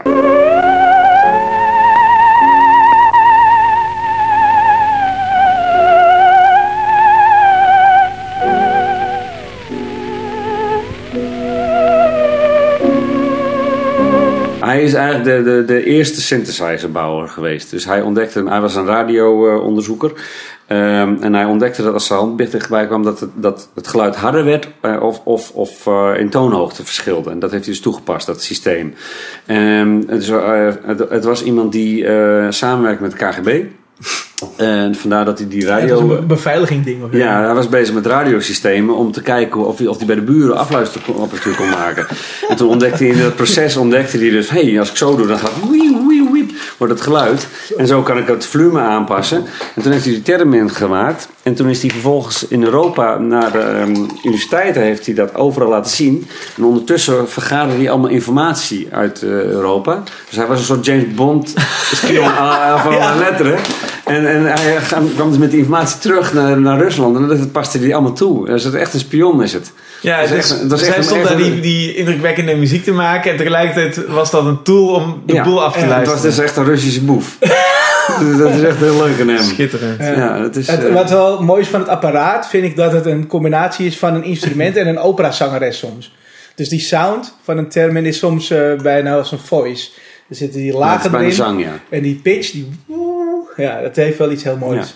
Maar ik ben meer voor het James Bond verhaaltje. Dat vind ik het, mooiste. dat vind ik echt het leukste van hem. Ja. En wat ze dan in Frankrijk hebben gedaan, hebben ze dus in plaats van dat, dat hocus pocus met de handen, hebben ze het onder een, een strook, op een strook gelegd met een ring. En dan kon je hem zo heen en weer bewegen. En dat heet dan een onders marteneau. Wordt weer gemaakt, dat ding ook. Oh ja, en dan, dan krijg je, daarna krijg je er eentje met een toetsenbord en dat is eigenlijk de synthesizer. Dus zo is die synthesizer ontstaan, zeg maar. Dus, Ja. hebben ze, dus eerst was het in de lucht, toen was het met een ring op en neer. En dat zit in, in Good Vibrations van Beach Boys. En dan, daarna gaan ze de toetsen toevoegen, zoals op piano. Maar dat is dus een drie-stappen proces geweest. Eh, Even voor de informatie voor mensen die niet weten over synthesizers. Ja, nou ja, maar er zijn in heel veel landen op verschillende tijden eh, heel veel ontwikkeling geweest. Je hebt eh, die hele Dr. Who toestand en die radiophonic workshop in, voor de BBC.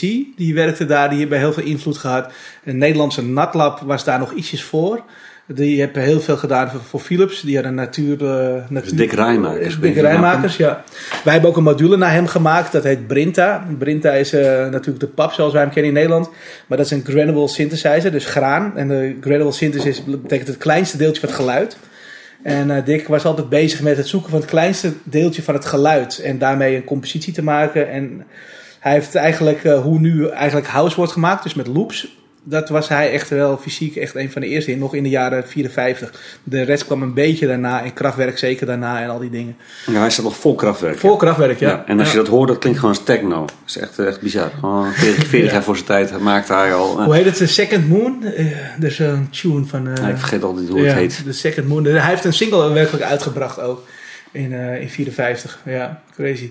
Maar goed, ja, er zijn heel veel van die, eh, van die eh, primeurs in verschillende, verschillende landen. En ook wat je zegt in Rusland. En dat is ook met dat hun de Polyfox hebben. En dat Amerika de Moog hebt, weet je wel. En dat is ook altijd het ding. De Polyfox was ook eigenlijk gewoon een synthesizer met een Oh, filter. dat en ken ik een, niet. Is ook een hele bekende... Je zegt over het, over het kleinste geluid. En dat is inderdaad een thema van, van Dick Rijmakers. Er er zijn ook wel wat YouTube-fragmentjes over. Uit Ja. Dat hij fantaseert over het kleinste geluid vastleggen. En dat hij daar dus de schoonheid in zoekt. En ehm, dat is eh, eh, denk ik goed uit te leggen via, via dit instrumentje. En, dan, nu staat hij uit. Dan moet je ook even omhoog Ja. tillen, want dan kan dit, is, eh, dit, is, dit is, heb ik zelf on- ontworpen. Maar dat, dit is wel iets wat, wat Rijmakers bijvoorbeeld ook zouden doen. Dus dat je dus ontdekt dat hier is een, is een eh, koeler van een computer. En dan ontdek je dan dat er dus een mooie galm in zit. En als je dan een versterker aangooit, dan kan je die versterker aanzetten. En dan, dan zie je dus... Dan moet ik nog even wachten. Waarom doet hij het niet? Ja, doe maar. Ik denk dat hij de gain uitgooit. Oh ja.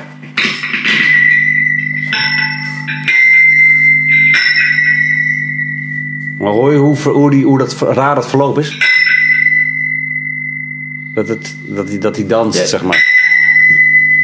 En dat, dat, met die versterking, met het, het hard maken van, van klein geluid, kan je dus eh, zeg maar die magie tot leven werken. Normaal Wat bedoel je met klein geluid? nou, Wat is normaal gesproken hoor je natuurlijk hier iets. Eh, als je een colafles pakt, een, een, een nieuwe colafles, en je gaat erop tappen, dan hoor je dat hij dat die heel erg mooi klinkt. Maar hij is onbruikbaar als muziekinstrument. Ik kan het in de modulair wel laten zien, maar dat is een beetje ingewikkeld om misschien net te Ja, zetten. Maar als je, als je dan dus een, een klein, of, of je pakt een kort geluid en dat ga je enorm uitvergroten, of de pitch je omlaag of om, omhoog, of je gaat hem uitversterken, dus dan, dan, dan, dan breng je dat geluid tot leven. En elektrische, Ja, elektrische gitaar is in feite ook het kleine geluid. Je bedoelt eigenlijk net als zo'n speeldoosje die je dan ergens neerzet. Exact. ja. Toch? Dat, Ja, dat, door dat- dat neer te zetten ja. versterk je Ja, dat en dat ja. bedoel je met En- klein. En, daar, daar pas komt hij. Komt, nu is het niks, maar als je hem op tafel zet, wordt het wat. Ja, Ja. Deze is een- En, en eh, daar versterkers helpen daarbij. ja ik en snap een het. microfoon is in feite dat ook al, hè? Maar dat is waar hij dus over filosofeerde, omdat dat allemaal nog niet bestond. Ik weet niet of dit gaat werken, maar... Wel een beetje de, fu- de future en de niet-future. Dus dit is een eh, muziekdoosje met een pick-up mic onder. Die dan gewoon de akoestiek eh, oppakt en het digitaal maakt dat je het over een speaker kan spelen.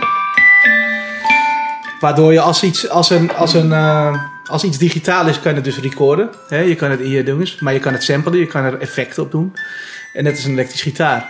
En dat maakt het interessant om soms dingen kan, je- kan je zo dat te op maken. die synthesizer ook doen? Dit, en dat je dan de pitch vervormt bijvoorbeeld? Dat je een kleine Ja. demonstratie geeft? Is dat wat? Ja, dan ga ik heel even naar het toilet. Dat is dan eigenlijk Want dan snap moment, je hè? ook een beetje, snap je een beetje wat, er, wat die muur doet. En wat was het kleine geluid waar hij dan mee speelt? Of waar hij uh, dit deed? Nou, hij heeft het dan over. Een, eh, je maakt bijvoorbeeld een, eh, dat geluidje, dat is een, een geluidje van niks.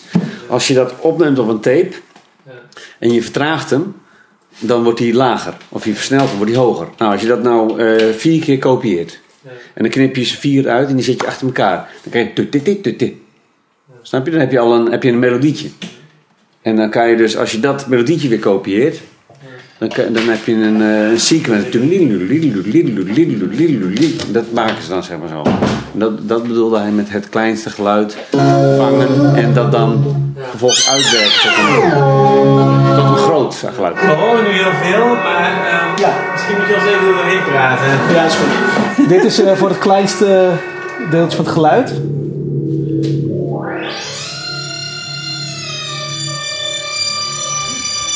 Ik zal straks anders de ballerina ook even door de delay gooien. En vertel eens een beetje erbij, want je Ja. het wel zijn.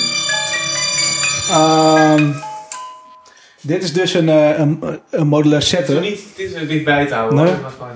Eh, Oké, one, two, three. Oké. Dit is dus een, eh, een modulair setup.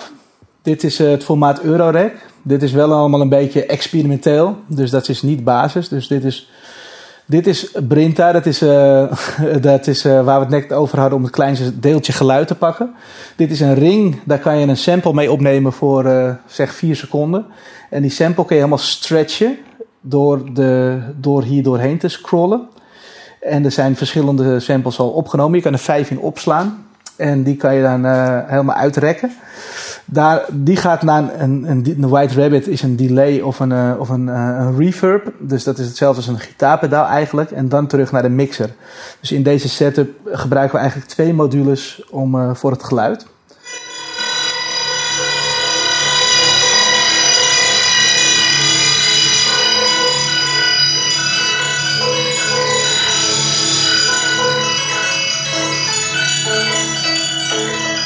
Hij heeft een heel klein deeltje van het geluid gepakt en die stretcht die over andere kleine deeltjes die je hier eh, voorbij ziet schieten. Die kan ik in de verschillende eh, koren, verschillende lagen laten horen.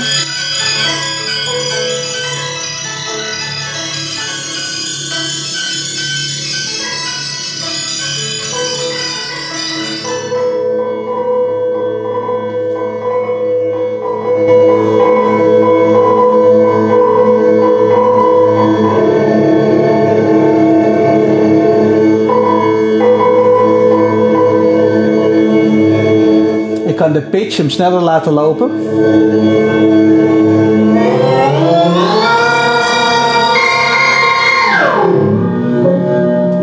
Maar ook backwards, dus andersom.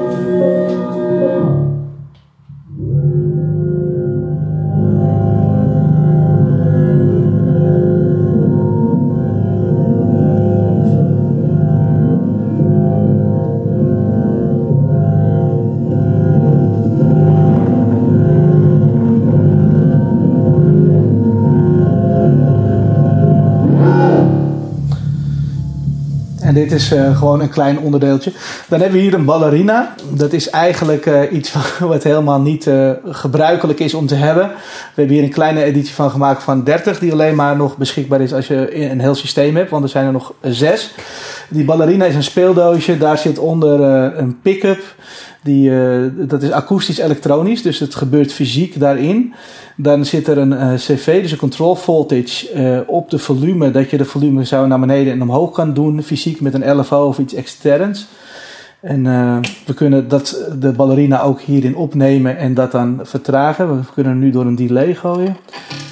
Nou, hier hoor je hem al.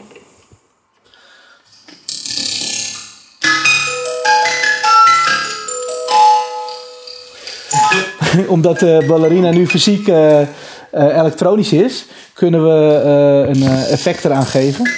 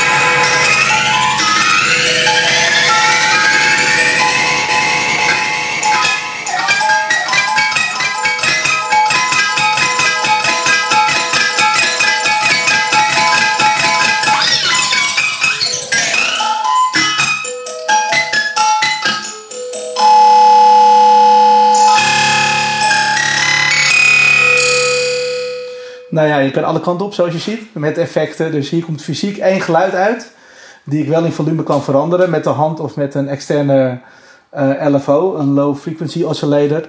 In modulair, dat is misschien te lang om uit te leggen in dit eh, stuk, eh, heb je altijd dingen, je hebt dingen die geluid maken en je hebt modules die zeggen wat andere modules moeten doen. En dus elk, elke module die je ziet, heeft eigenlijk een andere functie. Dit is bijvoorbeeld een sound source heb gehad. Heel goed.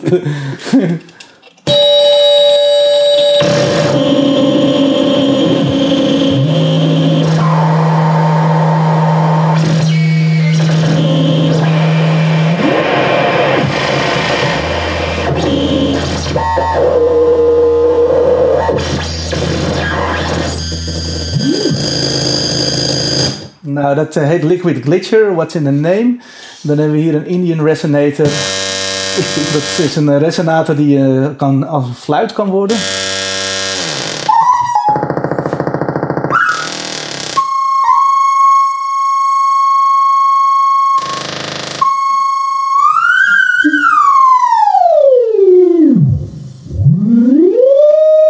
Erg tof als je er een delay op zet.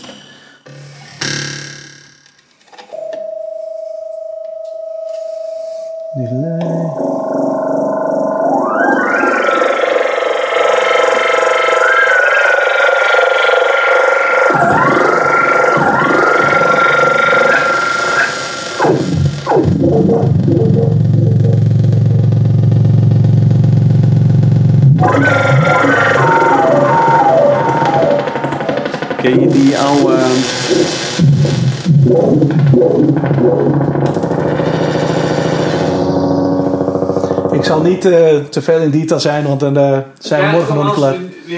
Ik ben ook heel benieuwd, wat, wat, wat, wat is dan een klant die dit koopt? En, ehm, en, eh, en wat betaalt hij dan, weet je wel? Niet om er een soort van, van eh, reclame ding van te maken of zo. Maar je denkt van, ja, dit, is, dit, dit zit nou allemaal in een koffertje. En dat doet dan allemaal dit.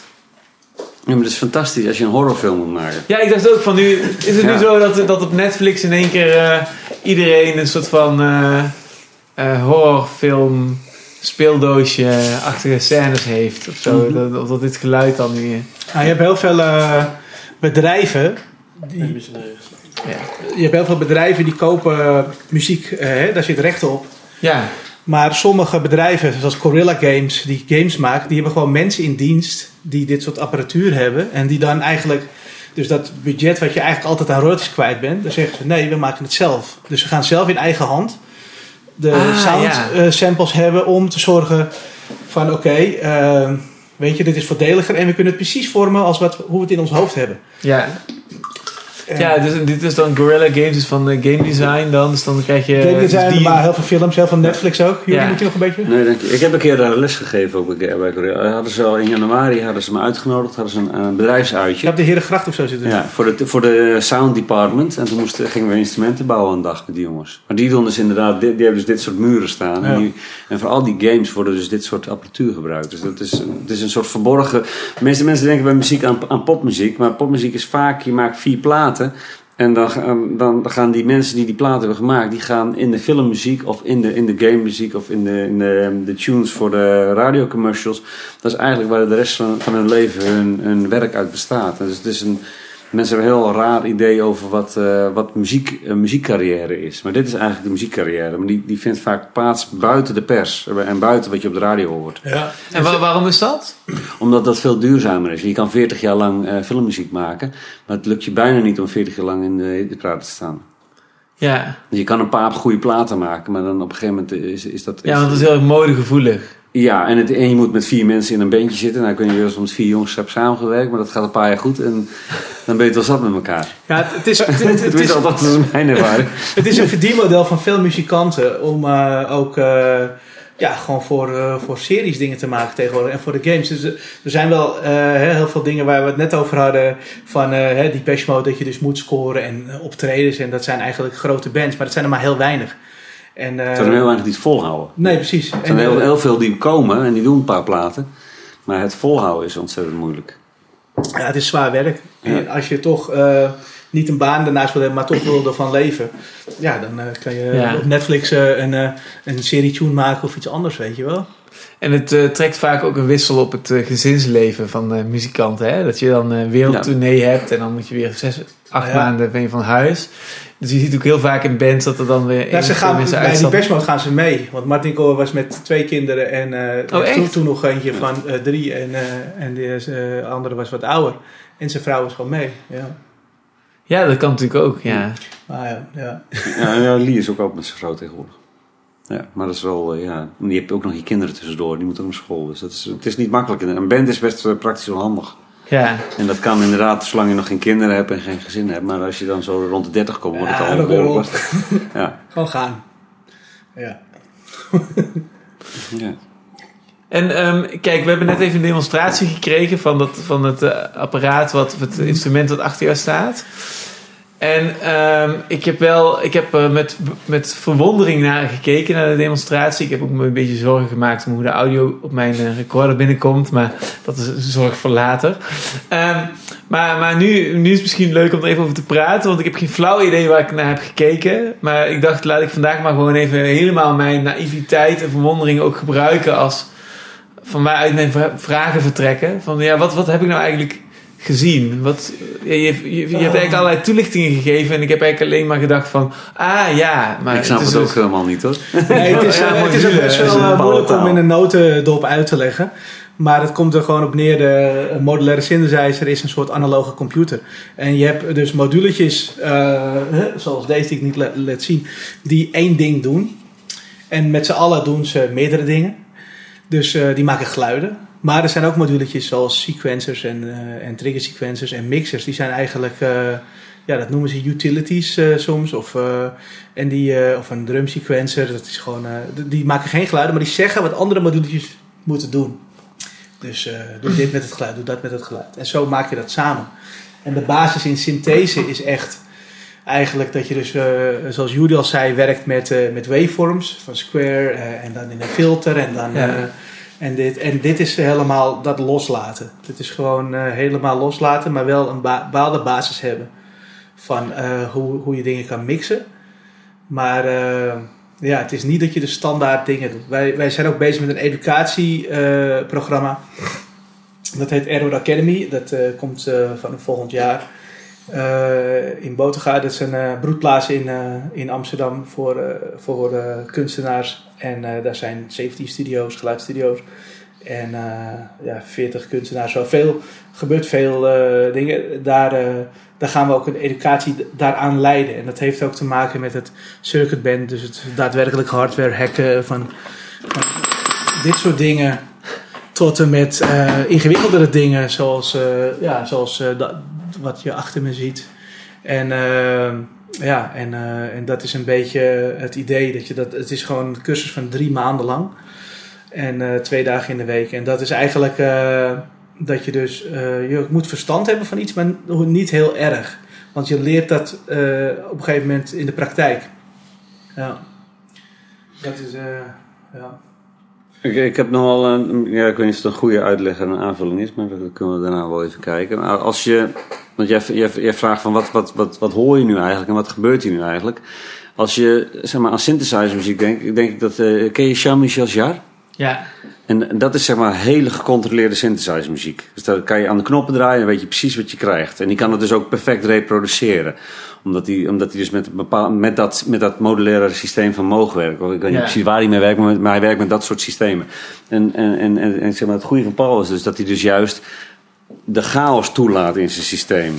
En dan krijg je dus die muur hier. En, en eh, het is, dit kan je eigenlijk niet, niet herproduceren. Dat moet je gewoon opnemen. En dan moet je kijken van wat is, wat is gebruikbaar in het systeem. Ehm, maar het is niet zo gecontroleerd. Maar juist dat ongecontroleerde is, is juist prettig in een, eh, in een scheppend proces. Althans, zo, zo kijk ik er tegenaan. Een, eh, een, een oscillator, dus een basis synthesizer, is eigenlijk een, een chip die maakt een geluid als er stroom opkomt. En dat geeft een waveform. Dus het gebeurt daarin. Een keyboard bijvoorbeeld, eh, dat is een opgenomen een sample die je afspeelt als je hem indrukt. Maar het gebeurt niet erin. Dus een echte synthesizer, analoog, die is afhankelijk van de temperatuur, hoe lang die aanstaat, de tolerantie binnen de componenten. De componenten komen altijd met een, een waarde, zeg maar. En dan zeggen ze bijvoorbeeld, ja, er is een eh 20% tolerantie. Dus dat, dan kan je het nooit precies hetzelfde maken. Eh, dus dat is een beetje het verschil tussen digitaal en analoog.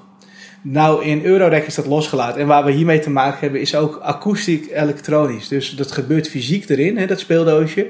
Dat, dat geluid wordt daar ak- akoestisch gemaakt. of het, eh, en dat wordt dan opgevangen, digitaal gemaakt. Met die pick-up mic wordt die eigenlijk dus... eh, waardoor die in, die in het effectprocessor kan komen. En waardoor die dan anders klinkt. Dus die manier van eh, de basis, hetzelfde als je, als je tapes gebruikt, is eh, heel anders dan alleen maar een, een oscillator laten gaan.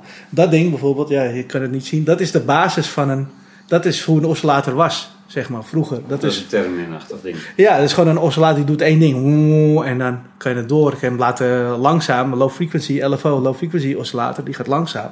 En dit is dan een, een, een gewone basis. Maar dat is eigenlijk het, het grote verschil. Ja. En dan moet je het eigenlijk gewoon doen. En dan kom je er eh, achter eh, later wat, wat, hoe het werkt.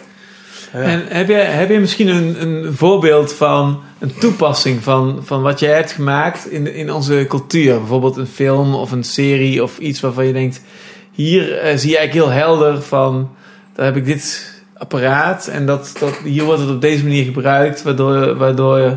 ja. Nou, ik weet vanuit, vanuit, vanuit de ge- geschiedenis van de muziekinstrumenten, dus niet zozeer zijn. Wil je zijn instrumenten horen of wil je, wil je dat ik gewoon vertel hoe dat. Nou, nee, dat ik wil, ik wil gewoon iets, iets zien. Bij Bij- wijze van spreken, scène op Netflix. Of, of Ja, waardoor oké. je denkt van... Oh ja, ik zo heb moet wel een heel zo- goed voorbeeld. Zeg maar, toen eh, Star Wars gemaakt werd en, en Battlestar Galactica, had je een spaceship met, met laserguns. Mhm. En die laserguns die, die schoten dan zo'n vlam er doorheen, door de ruimte heen. En daar moesten ze een geluid bij bedenken. Maar in, in het vacuüm heb je helemaal geen geluid. Want er is geen geluidstrilling in, in buiten de aarde. Ja? Ja.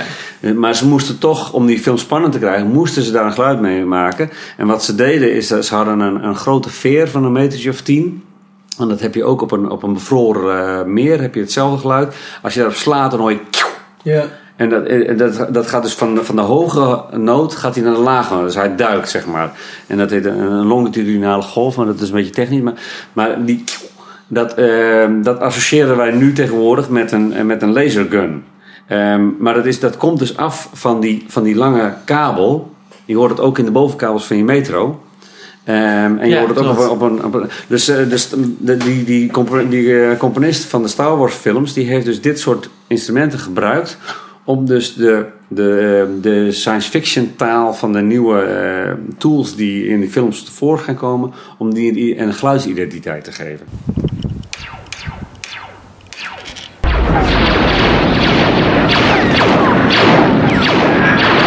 De lightsaber van Star Wars. De Ja. Als je met je microfoon dichter bij je box komt, heb je feedback. Dan heb je dat. Mhm. En dat is eigenlijk dat geluid van feedback. Dat is eigenlijk wat de lightsaber is. De het is heel simpel dat je dus. Dat dus het geluid wat in je microfoon komt, komt door je box. En dan krijg je een loop, want het gaat loopen. En dat willen va- vaak techniciën juist niet. Dus die draaien dat dan zacht en uit. Dat is logisch, want het kan heel hard gaan. Maar als je dat tuned met je afstand van je microfoon in de box, dan kan je daarmee. eh, ehm, Oké, ja, zo hebben ze het. Ik wist niet dat ze het zo deden. Ja. ja, zo, zo, zo wordt het. eh, Je hebt, je hebt in, eh, in, in Duitsland heb je het verschijnsel Foley Studio. Ik weet niet of je daar wat van gehoord hebt. Nee. Maar je hebt in de film.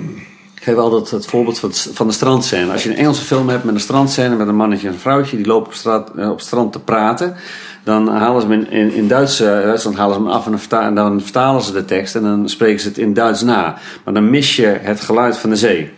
Dus dan klinkt die film onecht. En wat ze, dus, wat ze dan deden, is hadden ze een studio met allemaal rommeltjes. En die rommeltjes konden allemaal geluid maken. En, en voor de zee pakten ze bijvoorbeeld een bak met zand met twee, eh, met twee schepjes. En gingen ze door, door het zand heen. En het geluid van die, ehm, eh, van, van die schepjes en die zand, dat geeft de associatie van, eh, van, eh, van het water.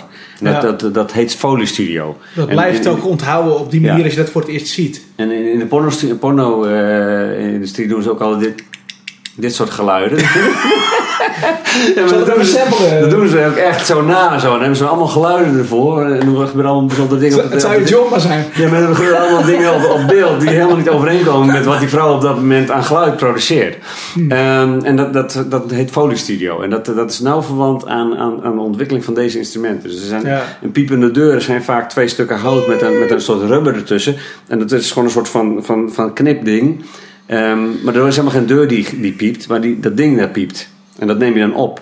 Ja. Ja. En, dat, dat zijn En je allemaal... hoort ook zelden een de piep in het echt. Maar dat, Ja. associeer je, dat is een soort beeldtaal die Ja. wij accepteren. Dat is wat je bedoelt? Ja. Wat, wat, ook wel een grappig is, die eh, Susanna Shani. eh, dat is eh, een eh, Italiaanse vrouw die in de jaren zeventig een, eh, een- het geluid van, van, een, van een blikje wat open gaat, van de Coca-Cola reclame. Eigenlijk, eh, dat, is, eh, dat werd vroeger altijd eh, opgenomen. En, maar die hebben ze zeg maar met synthese nagebouwd, dat geluid. Dus artificial. En eh, eh, dus dat werd eigenlijk, dat is helemaal niet meer het geluid van het blikje, maar dat is dus een sy- synthesizer die dat doet. Ja, en die Ja. zij nagebouwd, het geluidje. En die wordt in, die, eh, in dat gebruikt. En dat is natuurlijk, nu denk je, oh ja, dat is wel alleen maar een simpel geluidje. Maar het is eigenlijk heel gek, want dat geluidje, dat had je ook echt kunnen doen. Maar die is dus kunstmatig nagebouwd op een synthesizer om hem preciezer te maken, om hem helemaal uit te tunen. Oké. En eh, in die tijd werd dat nog niet gedaan op die manier. Dus je dus kunstmatige geluiden eh, toebrengt. eh, ja. Ja. dus je zegt eigenlijk van, dus door dat artificieel te maken klinkt het echter dan echt. ja. Je? Ja, ik moet nu denken aan zo'n meme, dat heeft er helemaal niks mee te maken, maar ik moet er toch aan denken, eh, die nu rondgaat, waarin ze eigenlijk het gezicht van Nicolas Cage hebben geplakt op het gezicht van Ross van, van Friends. Ja. En, dan, en dan als je dus Nicolas Cage op Ross plakt, dan lijkt hij meer op Ross dan, hoe- dan Oh, hemzelf. En eh, dat is die meme. dat is heel absurd. En, eh, en, maar daar moet ik nu aan denken dat het hetzelfde is, dus, dus dat de artificiële versie echter, dat is een beetje dat geluidje zo, toch? Ja. ja. Eh, daar heb je heel goed heb je Ja. een goede, goede metafoor voor Ik vind die eh, metafoor goed. Maar wat ook wel, als je in Azië bent en je, die Japanners die maken reclame met hun sushi eh, in een etalage. Met een, eh, een- een plastic sushi die geairbrushed is. En die dan op een soort sushi moet lijken. En dan als je hem bestelt, dan zeg je ik wil die en dan krijg je de echte. ja. Maar ze hadden ook een plaatje kunnen zetten van de echte, weet je wel. Maar hun doen dan, maken ze het allemaal, ja, eh, maken ze het gewoon in het klein na, nep Ja, eigenlijk. klopt, ja. ja, ja. Ik, ik ben net in Japan geweest van zo, dus je ik heb het allemaal gezien, ja. ja. dat is heel gek eigenlijk. Want het lijkt helemaal meer onrealistischer als dat je gewoon een plaatje zou neerzetten. Maar goed, het is, ja, het is gewoon een norm hoe dat daar gaat. Ja. Dat is grappig, ja. Dus, dus je merkt eigenlijk, nu hebben jullie twee voorbeelden van sound design gegeven, of van een soort van eh, sound, sound innovatie eigenlijk. En allebei die voorbeelden komen dan uit Star Wars. Dus vind ik Ja. grappig dat dan, dat, dat zo'n soort van creatieve hotpot is geweest van allerlei gekke experimenten. componist is een iconisch, eh, het is echt een iconische componist op, op sound art. Hij wordt vaak Ja, aangehaald. dit is een eh, hele job, weet je. Ja. Richard Devine bijvoorbeeld, eh, een klant van mij, die, die maakt de geluiden voor eh, de Tesla of voor de auto's. Als iets open gaat, dat dat klinkt of... Weet je, dat soort geluiden waar je, waar je niet stil bij staat. Dat je denkt, oh, dat maakt gewoon dat geluid. Het is gewoon een sample pack die Ja, ja, dus- die, die dus- klaarmaakt voor die klant. Eh, voor Jaguar ook en voor, voor andere dingen. Dus een elektronische auto die heeft eigenlijk geluiden nodig zodat je blijft snappen. Ja. Het is geluidloos, maar Ja. er moet wel iets gebeuren, anders snap je je hoofd niet meer wat er gebeurt. Zoiets. Nee, dat is eh, ook een, eh, een ontevreden geluid van je telefoon. Of eh, met een Albert Heijn, als je automatisch afrekent dat er iets niet goed gaat, dat hij dan een geluid geeft wat je even wakker schudt. Dat zijn, daar is veel meer over nagedacht als dat je onbewust denkt. Eh, in geluid zit gewoon een hele hoop. En sounddesign maakt dat, is echt een vak. Dat is echt een vak. Volgens mij is het ook de, de tik-tak van je auto, dat knipperlicht. Ja. Dat, dat is tegenwoordig een speakertje. Dat zou kunnen, ja. En, en Vroeger het was oorspronkelijk was dat een relais, die Ja. klikte. Dus dat is een klikklak. Dat is in feite de, gewoon de, de dop van, je, Tik, tik. Ja. eh, van jouw gurkendopje. Die kan je ook klikklakken, zeg Ja. maar.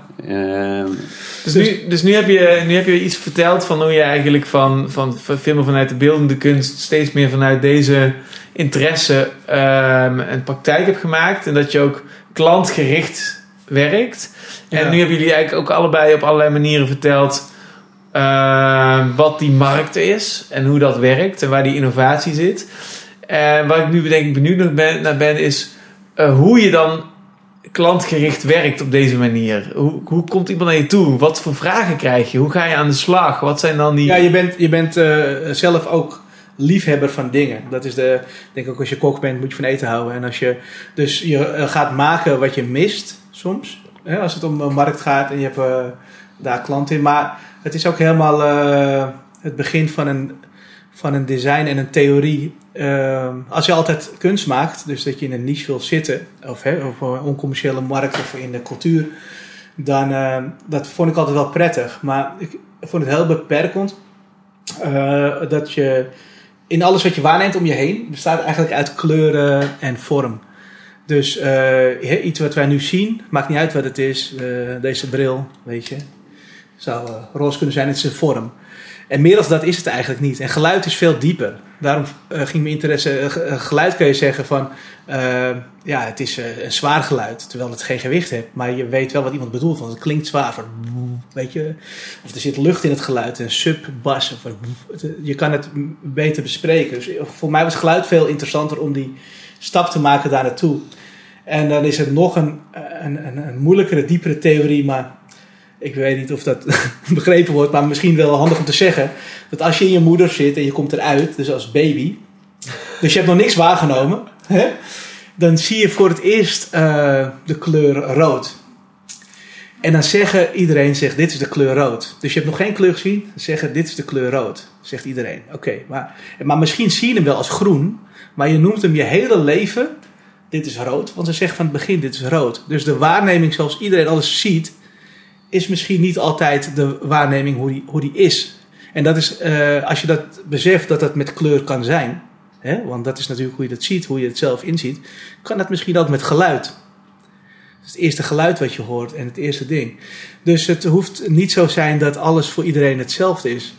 En om daaruit te kunnen denken, uit die box, ja, dan moet je eh, kunst kunnen maken of instrumenten die, dat, die dus geen bedoeling hebben van, oh, dit moet een mixer zijn of dit moet dit. Wij hebben dingen, dat noemen we happy accidents of sweet spots. En dat is niks anders dan knoppen draaien dat je iets hebt gevonden wat je, wat je lekker vindt, wat je voelt op dat moment. En dat noemen ze AC, ASMR, geloof ik, of ASMR. ASMR dat is dus een, een gevoel dat je met filmpjes van dat, dat vrouwen verluisteren of met een kammetje zo zitten of eh, noem maar wat, weet je wel. Dat zijn van die hele, hele, ja, hele streams. En eh, het is ook een soort vorm van fetish. Dus deze vorm van instrumenten is niet alleen maar voor muziek. Ik denk dat het ook een vorm van fetish is, hoe gek het klinkt. Ja. En hoe verkoop je dat? Ja, meerdere mensen hebben die fetish. Ja. Ik heb een, een, een, andere, eh, een andere invalshoek over, want hij benoemt net eh, sweet spots en, en ASMR. Ehm, dat, dat, heeft niet zoveel met je vraag te maken, maar het, eh, ik wil eh, graag een beetje uitleg geven over wat mijn, mijn idee is over, over klank en geluid en, en hoe zich dat verhoudt tot, tot muziek, maar ook tot natuur. En, eh, heb jij wel eens paddenstoelen gebruikt of niet? Sorry? Heb jij wel eens paddenstoelen gebruikt? Jazeker. Ja, ik niet, maar eh, d- d- d- dan zou je waarschijnlijk dingen gaan herkennen. Gewoon Jij- champignons op een pizza. ja. Nee, ik, ik, wil even terug naar mijn, naar mijn jeugd gaan. Zeg maar, want het, is, een, het is een, even een, een detour die ik nu maak. Hoor, maar ik vind het wel, eh, wel, wel, eh, wel relevant om te benoemen. Wat ook de motivatie vormt voor, voor dit werk. Ehm, toen ik een jaar of tien was, had ik, eh, of ook al jonger waarschijnlijk, eh, had ik ehm koortsdromen. Eh, tijdens, de, tijdens de griep. En eh, dan heb je een vroege temperatuur. En ehm, daar kreeg ik eh, te maken met het Alice in Wonderland syndroom. En, eh, weet je wat dat is of niet?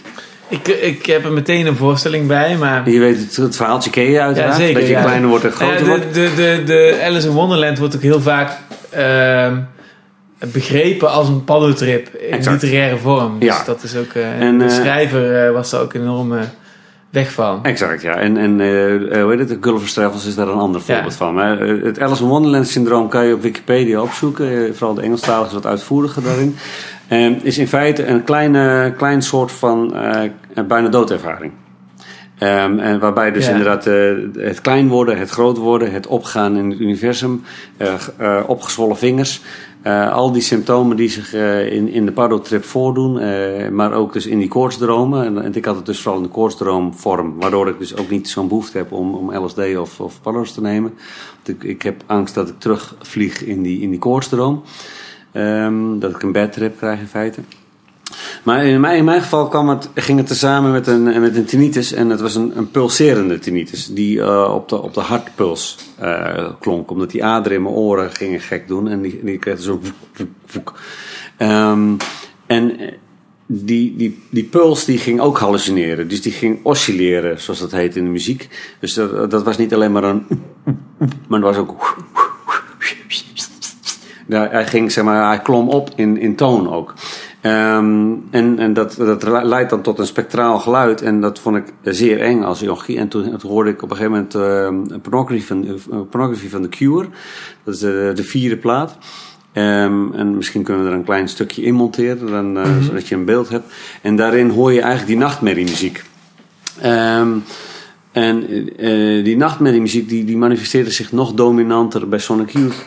En, eh, en bij Sonic Youth vond ik, eh, vond ik uit dat ze dus gitaarpreparaties toepast om dat geluid te, te vangen. Dus ik ben zelf gitaren gaan, gaan prepareren. En ik vond daar dus een spectrum in. En ik kon dus analyseren aan de hand van natuurkunde en wiskunde hoe zich dat verhield. Ehm, en dan ben je eigenlijk helemaal niet meer bezig met muziek, eh, met popmuziek, maar ben je bezig met, met geluidsonderzoek. En, en, en geluidsonderzoek past veel meer bij het, bij uitvinderschap. En dan, wat ik eigenlijk nastreefde, was het geluid van de nachtmerrie. eh, Het geluid, het van de koortsdroom, het geluid van de hallucinatie. En dat, dat raakt dan zeg maar aan psychedelische muziek. Eh, maar dat raakt ook aan filmmuziek op het moment dat het dus eh, atmosferisch moet worden of eng moet worden of navrant moet worden. Dus dat, dat, is eigenlijk hetgene waar ik vooral mee bezig ben geweest. eh. en dat heb ik, heb ik dus zeg maar onderzocht en daar heb ik, heb ik een bepaald wiskundig eh, fractale patroon in gevonden. Wat zich eh, hermanifesteert in de natuur. Dus eh, wat je dus eigenlijk ziet is dat dus die koortsdroom een, een, een representatie is van, van vormen die je in de natuur hebt. Maar je bent dus dan zo... ehm, Ja, het is ook wel eh, lo- logisch. In natuurkunde is er gewoon eigenlijk één puls. En als je één puls hebt... net Maar je hoort vaak ook dat er mandala's optreden bij, bij, bij ayahu- ayahuasca. Mhm. Dat er toch een soort van geometrische figuren beschrijven ze vaak. En dat heeft allemaal verband met die, met die patronen die je hoort in de klank. Het, ja, ik, weet niet, ik weet niet of ik het duidelijk heb verteld, maar het is een beetje... Snap je het of niet? Ik snap wat je bedoelt. Alleen ik zou zelf dus eh, psychedelica heel anders eh, uitleggen of benaderen. En dat vind ik dus interessant. Want ik dan meteen denk van... Oh ja, dus je hebt zelf ben je bang om het te gebruiken. maar Je hebt wel een theoretisch kader om het te duiden. Dus Ja. dat, dat is een soort, soort gekke... Zou, ik zou zeggen van... Er zit een gekke schizofrenie in je uitleg en wat naar mijn idee psychedelica zijn. Omdat ik denk van je, dat is juist een angst voor die, voor, bij jou en on- on- Ja. daarvoor. Ja, ik denk dat je als mens, je, als je je leert kennen, als je boven de 30 bent, weet wat je wel moet nemen en niet moet nemen. ja, En dat je heel erg goed tegen jezelf kan zeggen: Ja, ik eh, kan wel dronken worden, maar- maar ik moet geen parro's nemen, omdat ik een denker ben. Weet je wel, dat je niet bad wil gaan op die dingen. En dat je. Het ding is met, met die dingen dat je niet kan zeggen wanneer het over is. ja. Maar, En dan ik, komt er een soort angst voor, wat, wat jij nou, als nee, jongen. ik, ben- ik heb gewoon die koortsdroom meegemaakt. Ja. Dus die halluc- hallucinaties kennen. Maar hoe heb jij de hallucinaties van, Ja, van de ja, voor, om, voor mij zijn de hallucinaties niet de kern. De kern van psychedelica, paddo's, LSD, ook ayahuasca, gaat veel meer over hoe de hiërarchie van prikkels binnenkomt. Dus heel simpel gezegd is dat wij met z'n drieën praten, is, is een hele dominante prikkel. Dus wij zijn heel erg geconcentreerd. Ehm, eh, het feit dat daar een lampje brandt, eh, daar zijn we helemaal niet mee bezig. En die blaadjes in de verte al helemaal niet. Dus je zou dat als een, ook als een spoorrecorder kunnen zien. Waarbij al die prikkels hiërarchisch binnenkomen. De eerste, de belangrijkste, de ene belangrijkste enzovoort. Hè? Nou, ik denk dat ik bij jullie aan een half woord genoeg heb. Want jullie zijn met al die knopjes en die dingetjes heel de dag bezig. Dus, ehm, en een paddo heft die hiërarchie op. Dus die Ah, paddo zegt ja. eigenlijk van, er is geen hiërarchie. Dat, dat die blaadjes erachter zijn even belangrijk als dat lampje en als wat wij hier doen. Daarom verdwaal En je zo. Daarom verdwaal je in die trip. En wat een bad trip is, vaak, is heel... En het heeft vaak een element van dingetjes net niet goed neerzetten. Dus bijvoorbeeld, dan ga je niet... Nu, dit, is een, een hele mooie dag om te trippen. De zon schijnt, het is lekker warm buiten. En als we dan ook nog gek, lekkere dingen halen in de supermarkt... dan hebben we goed voorraad. We zorgen dat we wat suikers hebben, wat jus d'orange. En als het misgaat, je gaat te hard, dan neem je een slok... en dan heb je wat cooling down. Als je dat niet hebt geregeld en het regent en het is midden in de nacht en je hebt het koud en je kleren zijn nat, dan is de kans voor een bad trip veel groter, want die hiërarchie van die prikkels is opgeheven en je verdwaalt gewoon in wat verschrikkelijk voelt. En je ziet de deur niet, want je denkt het duurt oneindig. Dus dat is vaak een bad trip. En een ander element van de bad trip is vaak dus mensen die psychotisch zijn, zijn ook vaak bang voor, voor psychedelica, omdat die hebben iemand die een psychose heeft, heeft vaak ook geen hiërarchie in prikkels. En mijn hypothese is al heel lang dat dat een hele verleidelijke manier is om de werkelijkheid uit te leggen. Want als je een paddo op hebt, of als je eh, LSD op hebt, of wat dan ook, je, je, je, je, je, je geest, het is vaak alsof je zo je hele leven lang zo hebt gekeken. En in één keer ga je naar widescreen en je ziet eigenlijk zoals nu die koepel in, eh, in, eh, in Las Vegas nu staat. Je ziet in één keer de, het hele spectrum en je denkt van dit is de werkelijkheid. En, ehm, en er is geen hiërarchie. En je gaat je verdwalen. En die hypothese wordt overal bevestigd. En dan langzaam werkt het middeltje uit. Je keert weer terug. En je ziet nu... Je, je hebt nu diezelfde, die- ditzelfde scherm. Maar nu zie je dat scherm. Je ziet van, oh, ik zie dit kader. Maar je... je, je Daarom is psychedelica zo interessant. Je vergeet het nooit meer. Ik heb nu ook, ik kan het nu uitleggen. En ik zie, ik kan, Maar ik kan mijn hele. Je, vertel, je vertelt het wel eh, mooi. Een klein moment. Ik, eh, Ja. ik ben bijna, ik ben klein, bijna klaar met mijn uitleg. Wat ik nog graag wil toevoegen namelijk is... Dus op het moment dat je wat eigenlijk het meest tricky is, naar mijn idee, van in een, van- aan een bad trip, is dat die bad trip tegen jou fluistert: dit is niet de werkelijkheid, dit is de werkelijkheid. En dat je daarin blijft hangen. Dat is ook wat mensen die erin blijven hangen. Wat die mensen overkomt volgens mij, is dat ze in die tweede hypothese de waarheid ineens zien. En, en, en, verleid raken door die verdwaling. En eeuwig verdwaald raken. En dus eigenlijk voor altijd blijven trippen. En dat is eh, wat er een beetje eng aan is voor mensen die dus psychose gevoelig zijn. Ja. Ja. Dus ja, zo, zo zie ik eh, paddo's en psychedelica. En daarom vind ik het zo En- vet. Want dat ik eigenlijk die hypothese van die werkelijkheid, die, neem, ik- die vergeet ik nooit. Die neem ik elke dag overal altijd mee. Ja, en eh, als we dan zometeen, dat- stel dan voor, dan gaan we zo eens naar dat liedje luisteren. Of je dan, wat, wat je associatie daar dan bij is, of je dat herkent of niet. Ja, dat is goed. Ik onderbrak jou, maar jij wil ook iets zeggen? Nee, nou ja, ik, mijn ervaring, ik heb best wel wat ervaring ermee. eh, ook denk ik als je ja, een bepaalde school en een bepaalde wereld ver- eh, verkeert met drugs, als het daarom gaat. Maar het is, wat je niet moet vergeten, is dat het heel erg per persoon verschilt. Ja, dat is zeker als, waar. Als, als, net zoals schizofrenie, als dat in de familie zit bij mensen, hè, eh, of, of buienwisselingen, ja, dan kan je gewoon wel beter iets gebruiken wat daar niet te veel invloed op heeft. En als je dan paddo's gaat nemen of LSD, ja, raad, raad, ik, raad ik niet aan als je, als je schizofreen bent of iets in die eh, richting. Misschien kan het wel, eh, weet je, als je dan ecstasy gebruikt of een regular speed of iets anders, heeft dat wat minder effect op je psyche. Tuurlijk kan je als je moe genoeg wordt van het spul en je gaat door, gaat ook wel weer invloed hebben op je psyche. Maar ik heb wel echt eh, gasten, ja, die dachten dat ze paasgeregend waren. Of eh, gekke gasten gezien die, die, eh, die er wel vanaf wouden dat ze dat voelden, zeg maar. En eh, het doseren van dat, en zeker nu met al die synthetische dingen, ja, GHB of noem maar op. Andere dingen is toch al, allemaal helemaal heel, eh, heel lastig, weet je wel. Ja. Ja. Jij had ook nog een... eh, Ja, ik wil je eventjes een, eh, een, een, pornography van Cure. ja, oh ja, En het al... liedje, eh, ook het liedje pornography.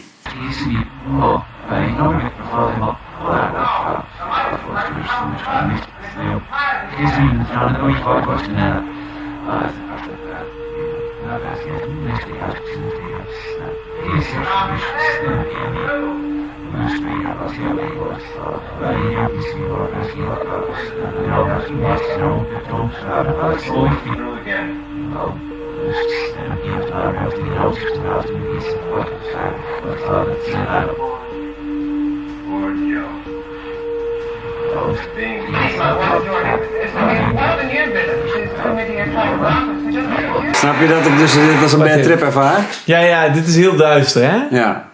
Ja, ik vind het toch wel lekker. Ja, ik vind het, wat ik zei, als ik klaar is, dat is het, ik trek altijd naar het donker en daarom is het gevaarlijk om die shit soms te nemen. Ja. Maar dus bij The Cure heb je dat, dat, dat geweldige nummer van hun, eh, eh, eh, Forest. Ja. En daar vind ik eigenlijk, dan, dan zie je, vind ik ook weer, wat ik zelf dus het meest waardeer aan popmuziek, is dat waar die twee dingen bij elkaar komen. Die avant-gardistische, duistere, gekke sound, dat wat een beetje jullie niche is, dat je echt Mhm. zoekt en onderzoekt. En dat het tegelijkertijd zo'n heel, heel perfect Ja. popplaatje is Die, of zo. die, die, twee- die twee- baseline is natuurlijk legendary. Van de, van de, en, en ook, het, als je terugziet, het zijn kinderen.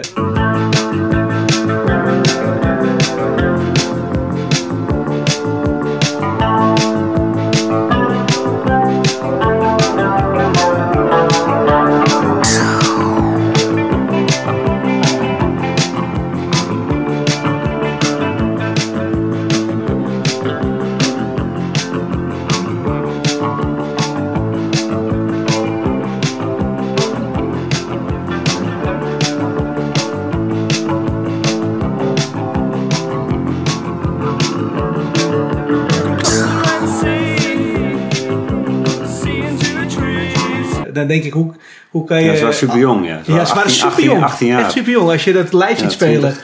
in, eh, ik weet niet welke tijd dat toen was. eh, Robert Smit met, met zijn groepje die er toch nog eh, echt zag uit als knulletjes.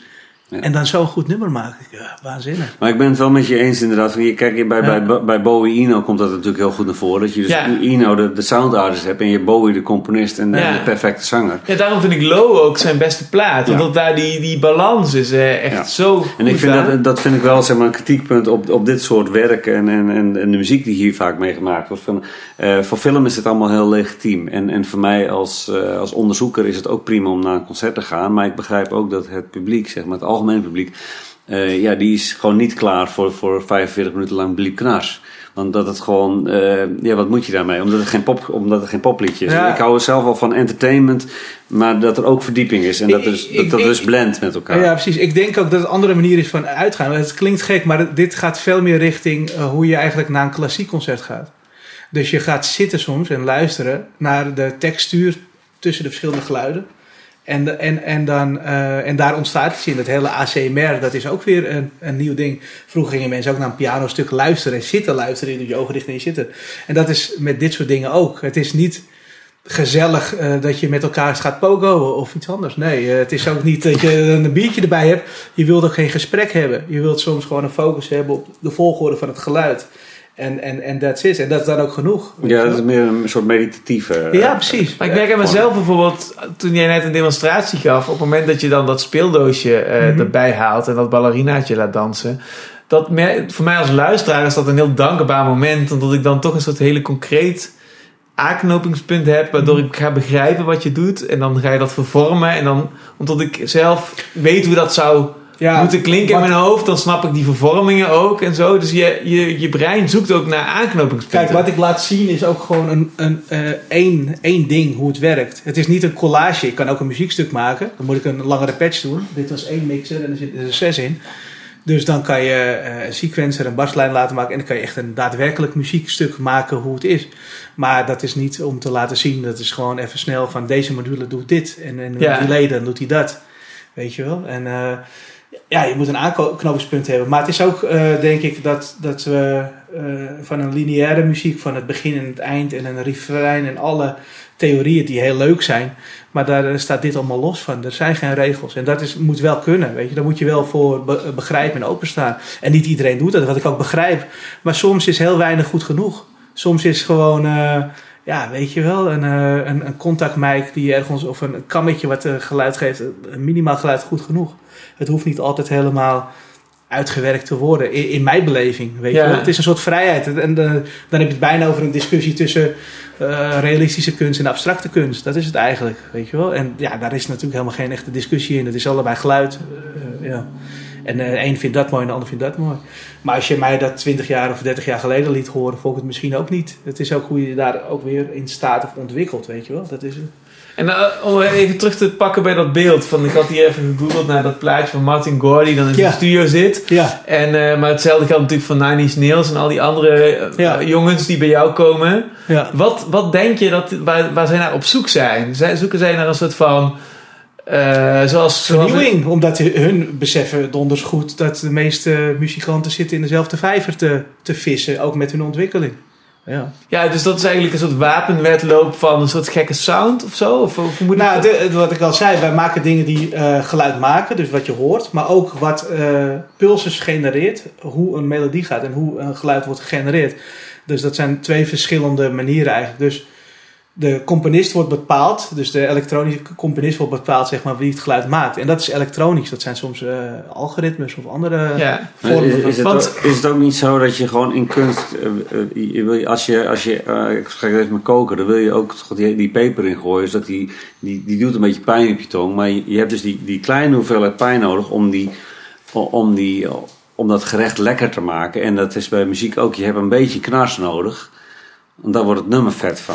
ja. En wij kunnen, wat wij ik- kunnen die knars maken. Maar Wat ik, wat ik dan, wat ik zelf van, van, van eh, ik, ben, ik luister mijn leven lang al naar muziek. Mhm. En wat ik dus heb gemerkt aan elektronische muziek, dat in de jaren tachtig waren die muzikanten heel creatief, omdat je gewoon spoorrecorders had. Dat daar waren eerst vier sporen en daarna 16 spoorrecorders.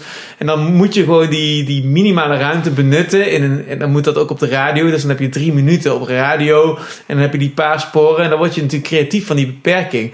Maar in de jaren 90 merkte je eigenlijk, en zeker in na 2000, dat net is wat hetzelfde is met de CGI in de Hollywoodkunst. Dat als- zodra alles kan met een computer, kun je ook eigenlijk niks. Ja. En dus Ja. hoe, hoe dan, dan krijg je, omdat er geen limiet meer op zit, kun je, ja, dan, dan kan ik gewoon wat rare geluidjes aanzetten. Maar dan vindt iemand mij nog niet vanzelfsprekend vernieuwend of av- avant-gardistisch.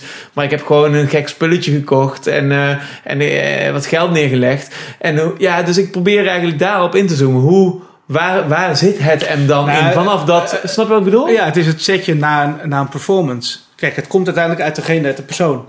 Dit is gewoon gereedschap. En, eh, en het is ook eh, gereedschap wat je op eh out of the box kan krijgen om op iets te komen. Je kan een traditionele gitaar spelen of een ukulele die zo groot is. Maar als je die snaar ineens eh, heel anders zet of groter, dan kom je op andere ideeën. Dat is dan fysiek met dit. En dat is ook met elektronische instrumenten. Op, vanaf 2000 verdween alle muziek zeg maar, in de computer. En, en, en eh, al langer verdween het in, in de thuissituatie met het, muziek eh, luisteren thuis. En ehm, op een gegeven moment viel die markt weg, omdat er dus geen cd's verkocht meer werden. En dan wat je zag vanaf 2000 is dat alle bands eh, gingen vooral live werken. Ehm, dus je zag een soort Ja. van heropleving van, van de De, live de performance. kaartenverkoop was business voor hun. Ja, de, de, de, de performance werd weer eh, centraal gesteld, post 2000, als eh, echte muziek. Terwijl eh, in de jaren 80 was hi-fi was echte muziek. Dus er was, hoe klink je zo goed mogelijk op, op de plaat? Toto en, en, en Dire Straits en zo. Dat klonk allemaal super op plaat. Ehm, en en, en eh, ik vind het verschrikkelijke muziek, maar het werd, het werd zeg maar zo goed mogelijk gemaakt. Ah, ik heb ooit een en- en Maar nu, nu, wordt, nu, nu geldt je als goede bent als je goed live bent. Wat wat in de jaren 70 ook zo was. Dus er is een momentum geweest in, in de opgenomen muziek, waarbij de opgenomen muziek de, het- de, het winstmodel was, de CD en de, en Ja. LP ervoor. Ehm, en op een gegeven moment valt die CD weg en dan krijg je dus dat er heropleving komt voor. En dan komt ook die enorme festivalcultuur. Dat is net als met die lampjes. Dus waar, waar zit de schaarste, daar ontstaat de markt. Ja, en, en, en wat je ook ziet is dat de opkomst van YouTube heeft een enorme do-it-yourself cultuur gecreëerd. Met iedereen kan leren solderen en leren, eh, al, al, al leren knutselen. Dus je krijgt een herwaardering voor het bouwen van synthesizers. eh, ehm, en, en, en het stelen van ideeën van, van wat hoe kun je eh, muziek maken zonder dat ik naar de winkel hoef. En, en ik denk dat onze, onze muziekcultuur, dus het bouwen van het uitvinden van nieuwe muziek en eh sound art en al die dingen in, in combinatie met die performance eh, is, is een, is een, is een post-YouTube Ja, verschijnsel. Het klopt, en het is, maar het is ook eh, heel laagdrempelig. Je hoeft niet miljonair te zijn om eh, een speelgoed uit een kringloopwinkel te kunnen benden dat je daar muziek op maakt die je misschien leuk vindt. Als je al een gitaarpedaal hebt wat een echo doet, dan kan je dit voor, bijvoorbeeld ook erop aansluiten. En dan kan je daarmee experimenteren. En het is ook een soort. Vroeger was dat, oh je maakt iets eh, gekke muziek. Maar het is een soort hype, hype geworden. En je komt ermee weg om iets geks te maken. Want iedereen weet al dat alles er al is. Hè, er zijn Amy Winehouse eh, bijvoorbeeld, eh, die, die is er helaas niet meer. Maar die zong eigenlijk een stijl muziek die eigenlijk uit de jaren 50 is of, of 60 of zo. Als je daar naar kijkt, is het raar dat iemand in het jaar 2000 dat, dat soort muziekstukken maakt.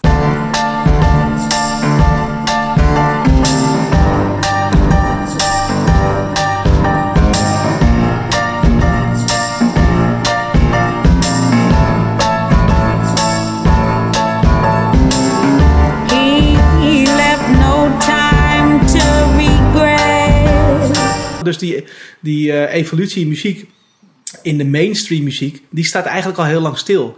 Maar in die underground gaat het door. Dat hele eh, YouTube, wat, wat al zegt, met dat ACMR-filmpjes en dat soort dingen. Het is eh, niet helemaal mijn cup of tea hoor, maar dat, dat bestaat, weet je wel.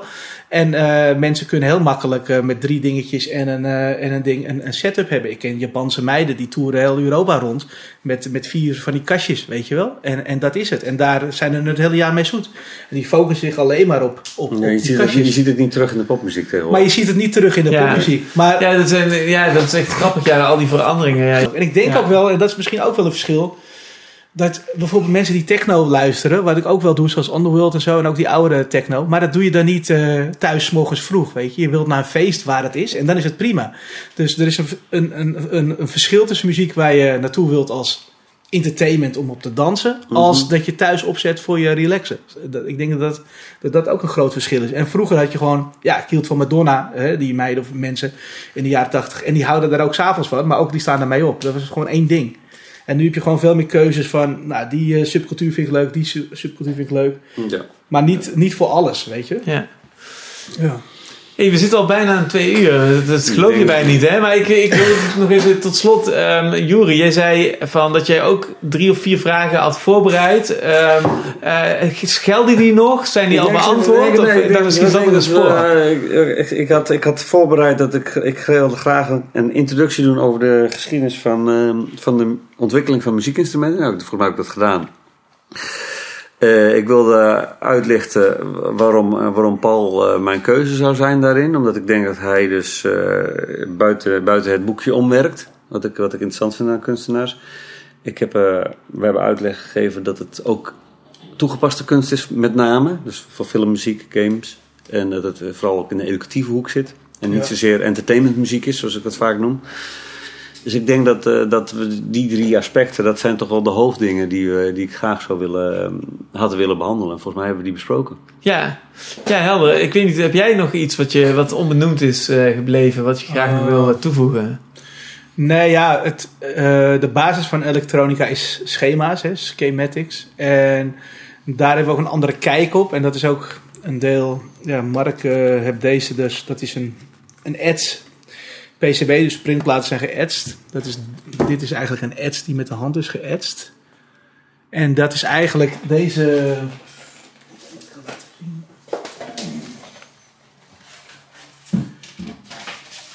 Dit is bijvoorbeeld een, eh, een modulaire synthesizer in de vorm van op een kunstmanier hoe die gepatcht is.